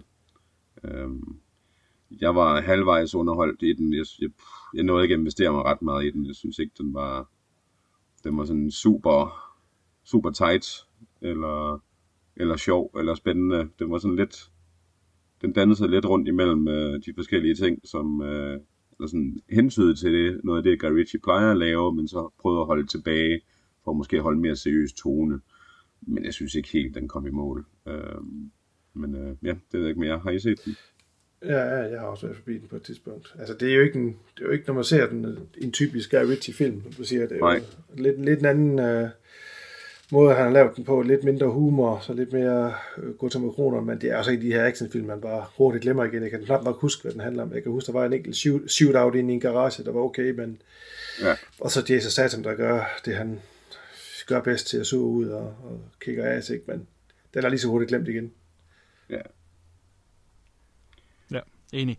Altså, der... Øh, jeg jeg bliver aldrig en Guy Ritchie-fan, men, men, men, men det er rigtigt, at det meste Guy Ritchie er pakket væk her i. Ja. Øh, så, så, så er vi tilbage ved, ved den gode Statham. Øh, det er så ikke pakket væk alt sammen. Altså, han, han kan jo kun være en type. Ja, ja. Øhm, så ja, da, da, da, for action-scenerne deri, synes jeg, den er fint nok underholdende. Ja. Altså, men, men man får ikke noget ud af den bagefter, og som fluen siger, man glemmer den jo nærmest samtidig med, at man sidder og ser den. Ja. så, Ja. men, øh, men, men den er da et kig værd, bestemt. Øh, men ja, det er sgu noget, det er noget tyndt kop te. Der er blevet kogt op til et eller andet. Altså, jeg synes, jeg, jeg hører den meget positivt omtalt rundt omkring. Ja. Ja. Jeg kan ikke lige helt Ja. Men forstå, det er vel hvorfor, fordi, at, det er den, at, at godt. det er noget andet, end han plejer at lave. Som plejer det jo tit at være, at Måske. folk de så øh, går amok over det. Ja, Fordi så... at der ja. er, ja, altså han skal arbejde sammen med Guy Ritchie igen, ikke? Så er nok det hold tænkt, åh, oh, nu kommer der noget helt, helt uh, Ja, ja. fantastisk ud af Ja. det. Ja, ja, næppe. så blev de skuffet. altså det, det, i en søndags uh, tørmænds uh, slå hjernen fra actionfilm, så er den jo sikkert god nok til det, tænker jeg. ja da. Ja, Så hopper jeg på med Texas Chainsaw Massacre, åh oh, gud fader som øh, bevares. fik premiere for ikke ret lang tid siden. Ja. ja, jeg tænkte også, du har været i den. øh, Motorsagsmassakren. Hold kæft, hvor et fucked up franchise. Altså, øh, det, det, det, det skyder til alle vinde, og de prøver at, at, at restarte det sådan hver andet år, så prøver de noget nyt, eller i hvert fald med et par, par års mellemrum, så prøver de ligesom at starte det op nyt igen, og så går de i en retning, og så går de i en næste retning. Etteren er selvfølgelig et kæmpe mesterværk, og en af de absolut største inden for genren, og jeg vil også sige generelt en, en fantastisk film. Absolut må sige. Mesterværk. Og der gik jo så en, en håndfuld år før, at, øh, at øh, Toby Hooper, han vendte tilbage til at lave toren. Og toren er jo allerede der et kæmpe departure fra etteren af. Og, og, og, og toren synes jeg nærmest bliver sat helt ud på sidelinjen af forhold til alle de andre. Øh, fordi den er helt sin egen, og på mange måder helt fantastisk. Men også Jeg elsker den også. Ja, ja, øh, for, for, helt isoleret set elsker jeg den, men som en, som en sequel til, til den originale er den jo Nej, det, altså, det, det, helt, helt ved siden af. Ikke? ja, ja, ja. Øh, og mere komedie end noget andet, men, men fantastiske karakterer og fantastiske øh, one-liners og helt fantastisk. Altså, man kan jo citere så mange ting derfra, ikke? Øh, helt fantastisk. Okay, så kom der en træer, som øh, kom på, en ti- på et tidspunkt, hvor man skulle censurere film helt vildt, og den var i forvejen ikke særlig vellykket. Det er den, der hedder Leatherface, Texas Chainsaw 3. Og øh, så blev den censureret helt vildt, og, og, og hængte slet ikke sammen, og var noget værre volapyk. Og så døde det egentlig der i øh, mange år. Øh, så kom øh, den originale forfatter, ham der hedder Kim Henkel, der havde skrevet den originale. Nu vil han lave hans udgave af den. Så han vil ligesom lave The Return of Texas Chainsaw Massacre. Den laver han så i starten af 90'erne. Den ryger så ind i en masse problemer, fordi han havde kastet to skuespillere, som så viste sig at blive ret store. Det er Renee Zellweger og Matthew McConaughey. De havde nogle repræsentanter, der sagde, ah, ah, ah, den skal ikke ud. I skal ikke sælge den på deres navn, og derfor lå den på hylden i mange år, før den kom ud. Og den er endnu værre end træerne, altså virkelig noget værre pis. Og så døde det igen. Så i 2003, så lavede de så et komplet remake, som jeg så godt kan lide isoleret set. Øh, havde den originale Texas Chainsaw ikke været der, det her det ligesom var den første, så ville folk hylde den. Den er sådan lidt semi-hadet i dag. Jeg synes sgu, den er meget fed. Og øh, blev så også en succes, og så lavede man en, en prequel til den. Og så døde det ligesom der, og så hvad skulle de så nu? Så kom der så den her, øh, øh, nu skal jeg se, om jeg kan huske rækkefølgen. Det er så den, der hedder 3D, den der bare hedder Texas Chainsaw 3D, som var så elendig. Hold kæft for den dårlig øh, totalt meningsløs. Øh, og, og, og det, det var noget med en datter, der, øh, en baby fra den originale af, der overlevede. Og så, øh, når hun var i 20'erne, så kom hun så tilbage til den der farm. Øh, jamen, den skulle så have foregået i starten af 90'erne, men den foregår i moderne tid, hvor de går rundt med mobiltelefoner og alt sådan noget. Altså, det hænger slet ikke sammen. Den, den, den er helt gården. Never mind. Øh, så droppede de den øh, tidslinje, og så lavede de så den her, der hedder Leatherface, som så skulle være et eller andet form for road movie-agtig. Øh, jeg ved ikke helt, hvad den ville. Øh, også noget underligt noget. Så, så jeg har det meget aparte med, med Texas Chainsaw, og det var lige gennemgang af hele franchise. Mm. Øh, så kom der så den her nye, som øh, fik premiere direkte på øh, Netflix. Og øh, jeg valgte simpelthen ikke at se noget som helst fra den. Hverken trailer eller billeder eller noget som helst. Folk de gik og snakkede om masken og alt sådan noget der. Jeg anede ikke, hvad de snakkede om. Øh, jeg ville se den, når den kom. Og den er 82 minutter, og det er med rulletekster. Det er altså bare pedal to the metal to the other metal. Den har valgt øh, meget moderne, ligesom Halloween øh, har gjort det her med at springe alle andre sequels over, gå helt tilbage og så sige, at det her det er en efterfølger til den originale. Øh, og, og hvad kan man så få ud af det? Jamen, øh, den, den er jo intet at sammenligne i forhold til den originale, men jeg synes stadigvæk, at den faktisk var ret underholdende for, hvad den nu var, fordi hvad fanden forventer jeg af øh, nummer 17, Texas Chainsaw Massacre? altså, hvad kan de finde på at nyt? Der kommer aldrig noget, der kan leve op til den originale. Der er en lille håndfuld film, som bare ikke kan øh, laves øh, en equal eller en sequel til, som, som vi tilfredsstiller os. Og det er så noget som Mozart-sakren, det er, øh, det er Jaws, det er Exorcisten. Det, det, det er bare lavet så godt, at der er ikke mere at hente. Sorry. Men der skal stadig tjenes penge, og, og der, der kan koge suppe på dem. Og, og når, når vi når der til at sige, okay, nu er der lavet så mange, og der er gået så mange år, der, det er jo kraftigt snart 50 år siden, at den første kom, hvad er det så, vi får ud af det? Jamen, i det mindste prøver de at komme med en underforholdende film her. Så jeg er egentlig øh, relativt positiv. Den har den tyndeste historie nord for alberne. Efter den originale, der øh, gemmer øh, Leatherface sig så øh, og været i skjul, og der er ikke nogen, der har hørt om, der har ikke været flere øh, massakre eller noget som helst. Der var den eneste, der overlevet af, øh, af de her Sawyer-familier. Han gemmer sig så, finder vi ud af senere, i den her lille spøgelsesby, som er blevet opkøbt i moderne tid af sådan nogle hipsters, som kommer ind fra storbyen af, som vil øh, ændre den her lille nærmest forladte øh, øh, lille flække, den vil de, øh, de har opkøbt alle husene i den her by, og så øh, skal de starte en restaurant, fordi den ene er kok af dem, og så er der en, der vil starte en øh, comic book store, og så vil de øh, sælge de forskellige hus øh, til beboelse, og noget skal være butik, og så vil de ligesom starte det her community øh, hipster-agtigt noget. Ikke? De øh, render så på en ældre dame, der bor i en af husene, der som ikke vil forlade stedet, fordi hun har haft det som et børnehjem, og hun har stadigvæk øh, det sidste barn, hun passer på, som så er blevet en voksen mand nu. Hvem kan det måtte være? Uh, uh, uh. Men i det, at de har opkøbt det, så bliver de nødt til at få hende smidt på gaden. Øh, det er så stor chok for hende, hun ender med at dø. Så er Leatherface igen alene i verden og er hissig, og øh, vil simpelthen hævne sig og øh, tage øh, byen tilbage. Og så finder han øh, motorsaven frem og begynder at slå alle ihjel. Så der er ikke det store i den. Det, der er i den til gengæld, det er, den er fucking brutal. Mere brutal end nogen af de andre til sammen, vil jeg nærmest sige. Og øh, effekten er pissegodt lavet, og den kører altså bare øh, fuld gas derudad. Øh, og jeg kan lide de fleste af morerne, jeg kan lide de fleste af... Øh, de setups, der er, der er en enkelt scene ind i en bus, der måske lige bliver lidt for overdreven, men altså i det mindste bliver der givet en gas. Ikke de mest spændende karakterer, og på den måde bliver vi ikke klogere, mens vi sidder og ser den, eller, eller universet bliver udbygget, eller noget som helst, men den vil bare være underholdende. Som sagt, der er 82 minutter med rulletekster, og den kører bare derud af. Rigtig fede effekter. Der er nogle ting med historien, de godt lige kunne have justeret. Altså blandt andet så har den den her start, der åbenbart skal være i hver eneste øh, Texas Chainsaw film, det er, at nogen kommer kørende. Der er ligesom det her med lange veje, og vi kommer kørende i en bil. Der følger vi så den her gruppe unge mennesker, der kommer til den her by, og de ankommer, og så 10 minutter efter, der ankommer der den her bus af opkøbere, som så ender med at blive den her fest på den her bus senere. Men der kommer dem her, som de skal øh, sælge projektet over for. Vil man ikke lige komme ja, en time inden? Vil man ikke komme et par dage inden? Fordi det virker som om, at ingen af dem har været der før. At de kommer sådan ud og tænker, wow, prøv at se her, kan vi bygge det, wow, kan vi det? Har de virkelig købt hele den her by, uden at være der før? Plus at over for de her øh, købere, der øh, udvikler det sig til den her vejfest, hvor der er borer med mad og snacks og en DJ og alt muligt. Hvor kommer det fra? Var det med på bussen? Jamen, det kan man godt forklare, at det var.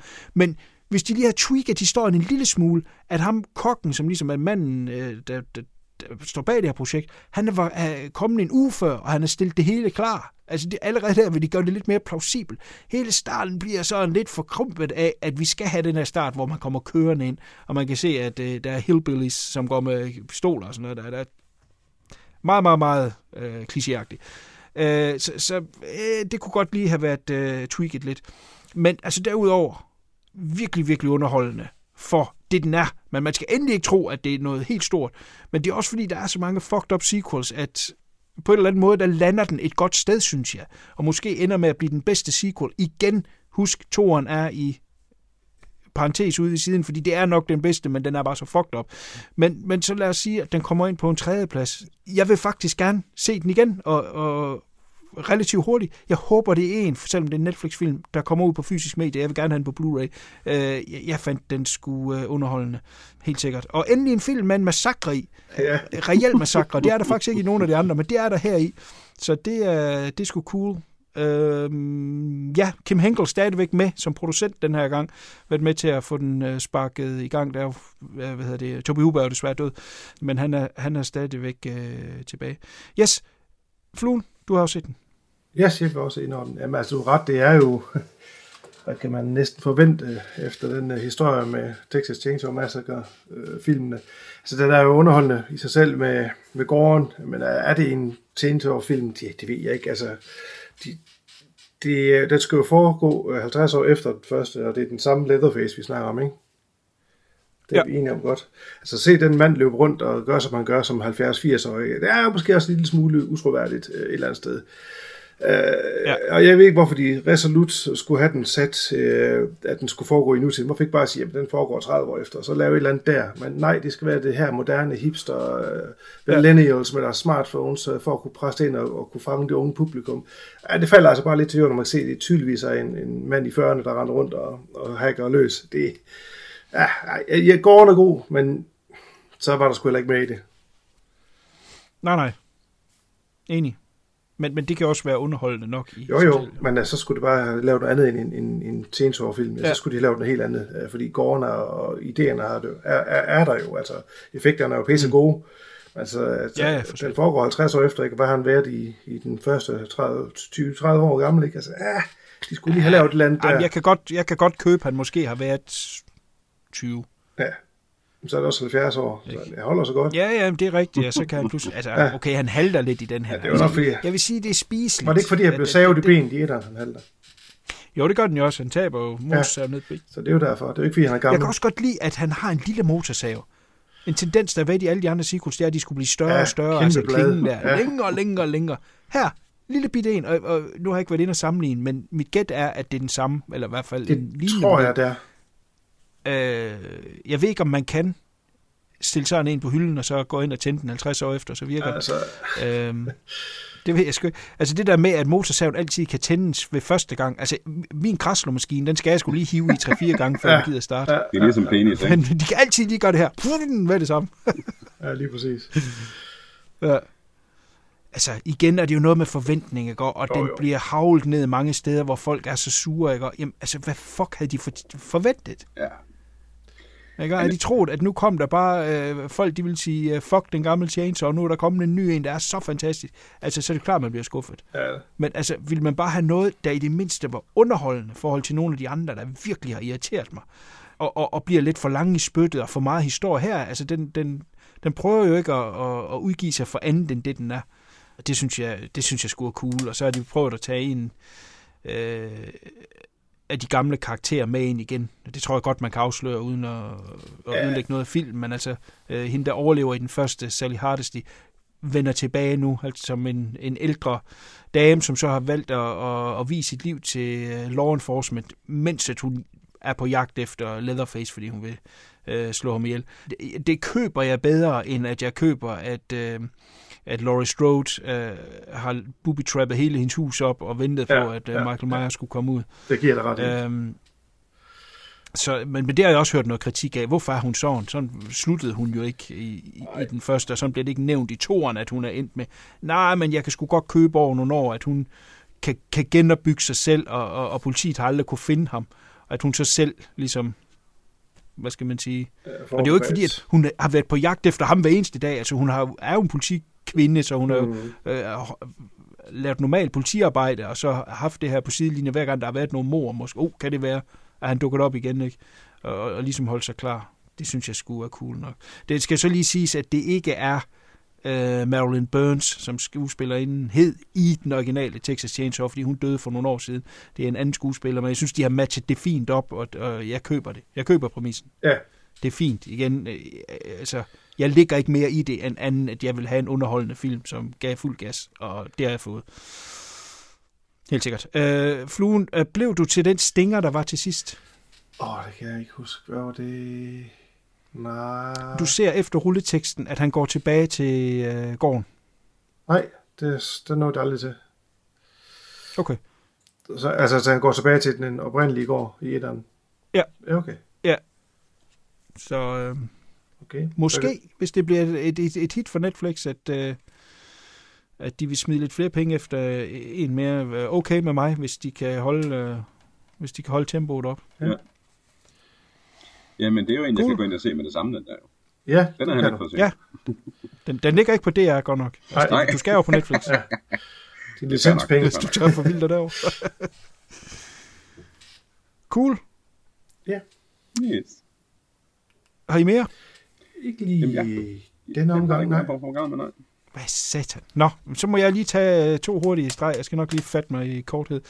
Øhm, jeg så en øh, øh, pivringfilm, som, som kunne have været god, hvis det havde været en anden instruktør.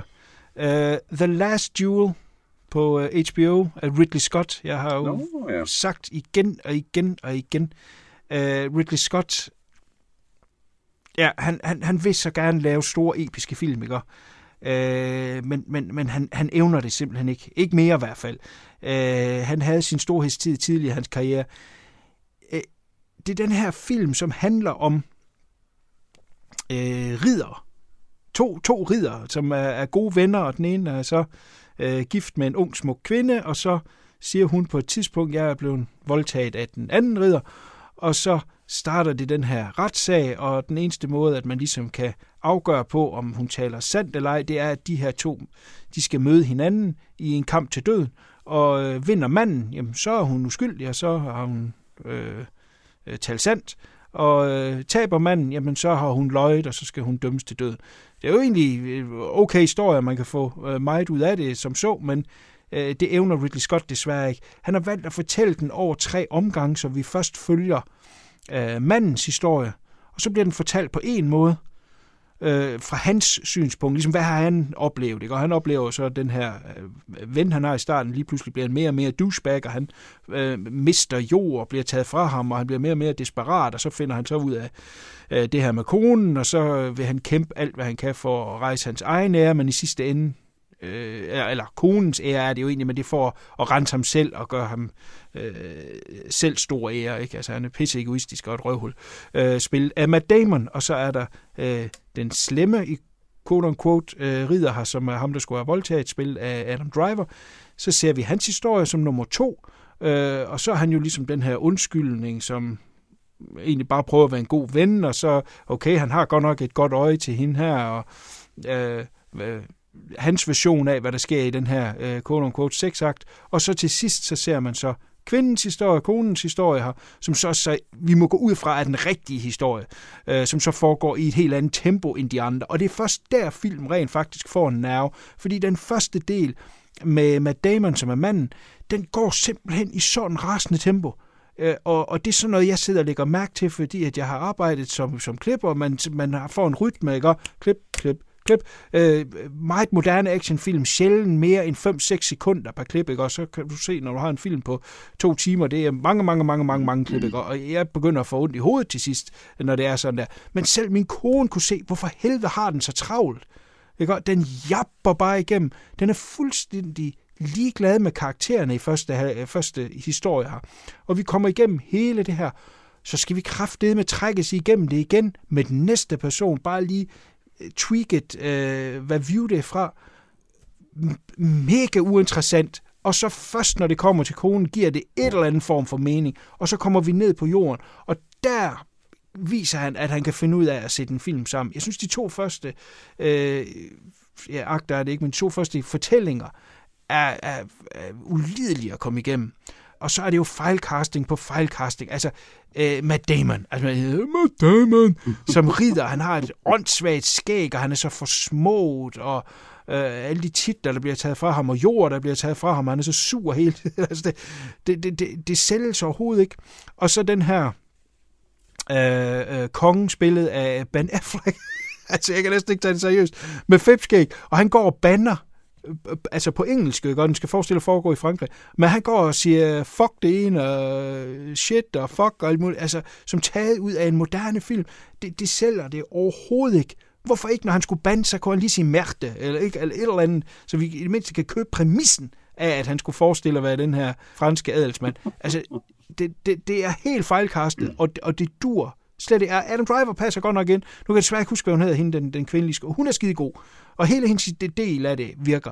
Men altså det andet, det virker simpelthen ikke, og det er et clusterfuck af en film, som jo så også endte med ikke at blive den store succes, som Ridley Scott så øh, lige så for små, som Matt Damon er i filmen, går ud og siger, jamen det er fordi, at, øh, at den ikke er blevet lavet god nok marketing øh, til den. Jamen, altså prøv at høre, lav en bedre film, så skal det sgu nok gå. Øh, han har jo så lige lavet et, et, et dobbelt øh, take med, med den der Gucci der, som så heller ikke skulle være særlig god. Jeg, jeg vil ikke anbefale den, fordi den er simpelthen... øh, at trække sig igennem de to første gennemgange af historien er, er ulideligt til, at man kommer til den del, der måske kunne have været spændende. Han skulle bare have fortalt den som normal narrativ, hvor man kommer igennem øh, det der øh, forskellige views der. Det, det, det kan virke i en god thriller, men det virker simpelthen ikke i en historisk film at, at træls at se på, og ja, Ridley Scott har sin bedste film bag sig, bliver jeg nødt til at sige. Er der nogen, der har været på The Last Duel?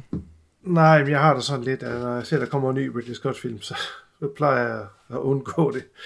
Han, øh, jeg, jeg synes virkelig, at han har tabt uh, sit, sit drive. Uh, han var god en gang. produktiv, men uh, det er også ja. en bakke åbenbart, ikke? Altså, det er jo kvantitet, jo. det er kvalitet, der skal ud af ja, det helst. Uh, og jeg synes, han har, som du også siger, hans bedste film er dem har han bag sig. Jeg tror sgu ikke, ja. han, øh, han laver noget igen, så er så godt. Så, men... Nej, og det, og det sjove er jo, at det er jo nogle kæmpe budgetter, og de taber penge helt vildt. Jeg ved godt, der også har været coronanedlukninger, det har heller ikke gjort situationen nemmere, Nej. men men, men når man et punkt, hvor man siger, at nu er han simpelthen ikke et safe bet mere? Det tror jeg sgu ikke. Det- Altså, øh, har de der Alien-film tjent penge? Altså, ikke Alien, Alien har selvfølgelig, men de der Ja, Prometheus, der, der. var, var, var de nogen, der tjente penge? det tror jeg Det tror jeg, det var. Ja. Ja, jeg ved det sgu ikke. Altså, Men, jeg men synes, lidt ligesom Fluen siger, jeg, jeg har, altså, det er fint, der kommer en film med ham, når den kommer på streaming, så, så kan jeg se det. Det kan Ja. ja. godt være, at jeg ser den House of Gucci der, det ved jeg sgu ikke, men, men han er ikke et, et pull, som hans brors film var. Altså, jeg har jo hele tiden sagt, at det er den forkerte bror, der hoppede ud af broen, ikke? Men altså, det er ikke nok af det. Ja, ja, men jeg tager gerne de tæsk, jeg får for at sige det. Øh, Jeg ved godt, han var meget syg, og, og det var hans eget valg, og, og det må man jo så på en eller anden måde respektere. Men øh, hans film var altid underholdende, også selvom det var dårlige film. Mm.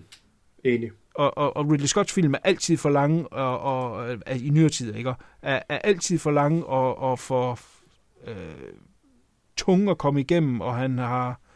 Altså, jeg, jeg er jo heller ikke fan af Gladiator eller noget. Altså, vi, vi skal virkelig langt tilbage, før jeg... Altså, Thelma Louise var måske det sidste gode, han lavede, øh, hvis man smører mig. Og øh, det er mange langt. år siden. det er lang tid. Ja, det er det. Det er det. Godt, men uh, se den. Den er på uh, HBO's. Yes. Godt. Nu er vi ved at være ømme i halsen, men øh, nu var den her jo med i min trailer reel, så må jeg også hellere nævne den. Ellers er der måske nogen, der føler sig snydt. Ja. Øh, men øh, sidste, øh, som rosinen i pølseenden, er Werewolves Within, som er en horror-komedie, men jeg vil godt lige omskrive den til, at det kun er komedie. Det kan godt være, at der lige er lidt horror-elementer i, men altså, hvis man bliver spugt over den, så skal der sat ikke meget til. øhm, meget simpel, øh, sjov lille film. Øh, der skulle egentlig ikke så meget ind. Vi følger den her øh, mand, som kommer til en lille by ude i øh, ja, midten af ingenting, sneklædt øh, øh, lille by. Han skal starte som, øh, som sådan en en ranger i byen. Og øh, allerede første dag, der øh, er der et øh, mor, og så skal han så prøve at opklare det, samtidig med at han ligesom skal lære byen at kende, og det gør han ved at og øh, join forces med den lokale øh, øh, postmand, postkvinde, som så fører ham igennem byen, hvor han så kan møde de her forskellige folk. Og han bor på det her bed and breakfast sammen med forskellige farverige karakterer. Og øh, det viser sig selvfølgelig, at der er en varulv, og de bliver nødt til at forskanne sig ind i den her bed and breakfast. Øhm, og så sker der jo hele det her paranoid af, hvem kan det være af os? Og øh, de, de er ikke ret gode til at samarbejde, lad os sige det på den måde, øh, og mistænker lidt til højre og til venstre, øh, og det kan der komme mange sjove ting ud af, og det synes jeg egentlig også øh, langt hen ad vejen, øh, der er. Jeg kan forstå, at det her det har været et computerspil engang. Kan det, kan det passe, Fluen? Det kan være, du ved lidt mere om det. Øh, pas.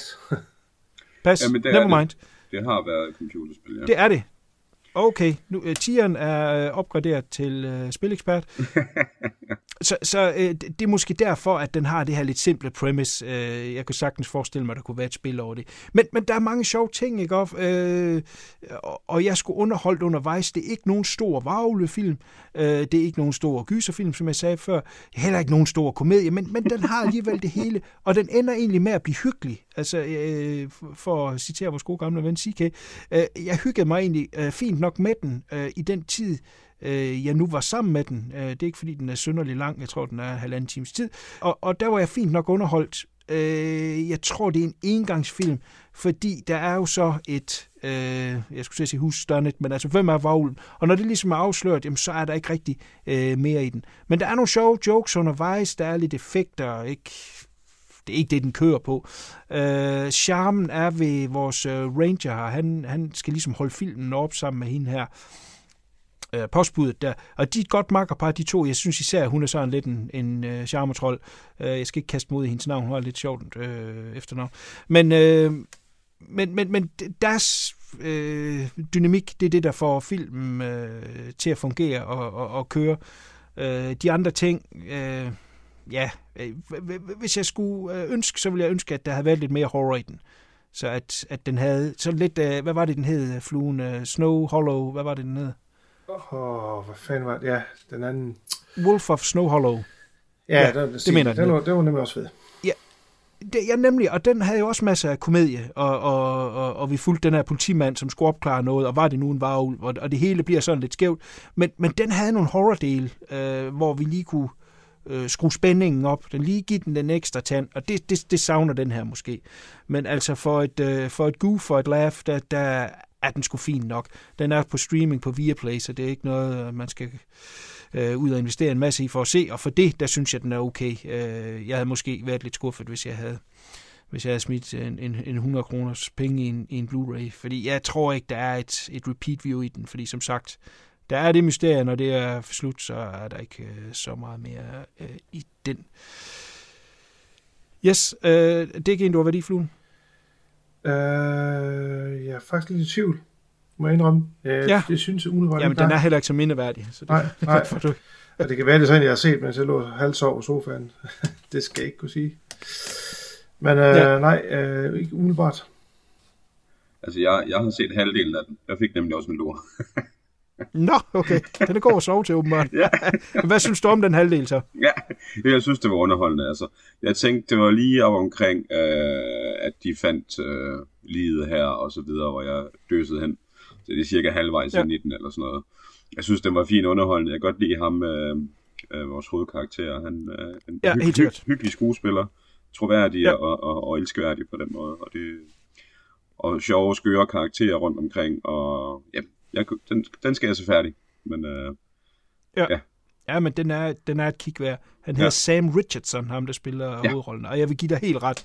Han har masser af charme, og det har pigen der også. ja, Øh, og, og det er det, der egentlig f- virkelig får hjulene til at køre rundt på den. Det er den ja. Ja. dynamik, de to de har mellem sig. ja, ja, helt sikkert. Så fint nok til en, til en, til en fredag aften, hvor man lige skal, skal hygge sig. Bestemt. Eller en lur. Godt. Ja, eller en Eller, ja, åbenbart. Hvis man har lidt svært ved at falde i søvn, så har vi i hvert fald to, der er faldet i søvn til. Så, øh, så, så man kan lave den om til en tv-serie, er, og så se den af et par omgange. Ja, præcis. Super. Goddammit. Vi har været igennem uh, utrolig meget, både tv-serier og film, så uh, lad os smide uh, håndklædet i ringen her, og, uh, og sige på genlyt næste gang. Og nu er det jo så smart, at vi kan, vi kan sætte dato på. Det er jo det helt nye smarte her. Og det er den 27. marts, vi vender tilbage med masser af nyt. Spændende, vi har fået set.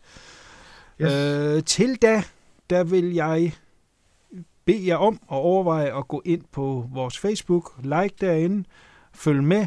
Jeg prøver at poste lidt mere fremadrettet, men altså ellers er der de her trailervideoer ind på Instagram, også vores trailervideoer, men jeg prøver også at smide covers op af de ting, der kommer, så at man ligesom ved, hvad det er. Øh, men jeg skal lige finde ud af at gøre det på en måde, så jeg ikke overspammer folk, øh, så man ikke synes, man får skudt noget i hovedet hver eneste dag. Yes, men øh, prøv at gå ind og finde os der som øh, view review. Det vil vi sætte øh, stor pris på. Og øh, øh, skulle man komme forbi et sted, hvor man kan give stjerner, øh, hvor man øh, henter vores podcast, så vil vi da også gerne have en stjerne eller en kommentar måske. Vi tager det hele med. Yes. Det vil vi sætte stor pris på. Det er noget skønt. Yes. Mere om det, og mere om øh, Patreon og sådan noget, det kan vi snakke om næste gang, fordi det er også noget, vi skal til at starte op igen. Og der er spændende nyt deromkring, skal jeg sige. Drenge, kan I sige pænt farvel? Jamen, uh, pænt farvel, og vi ses næste gang. Ja, tak for den her gang.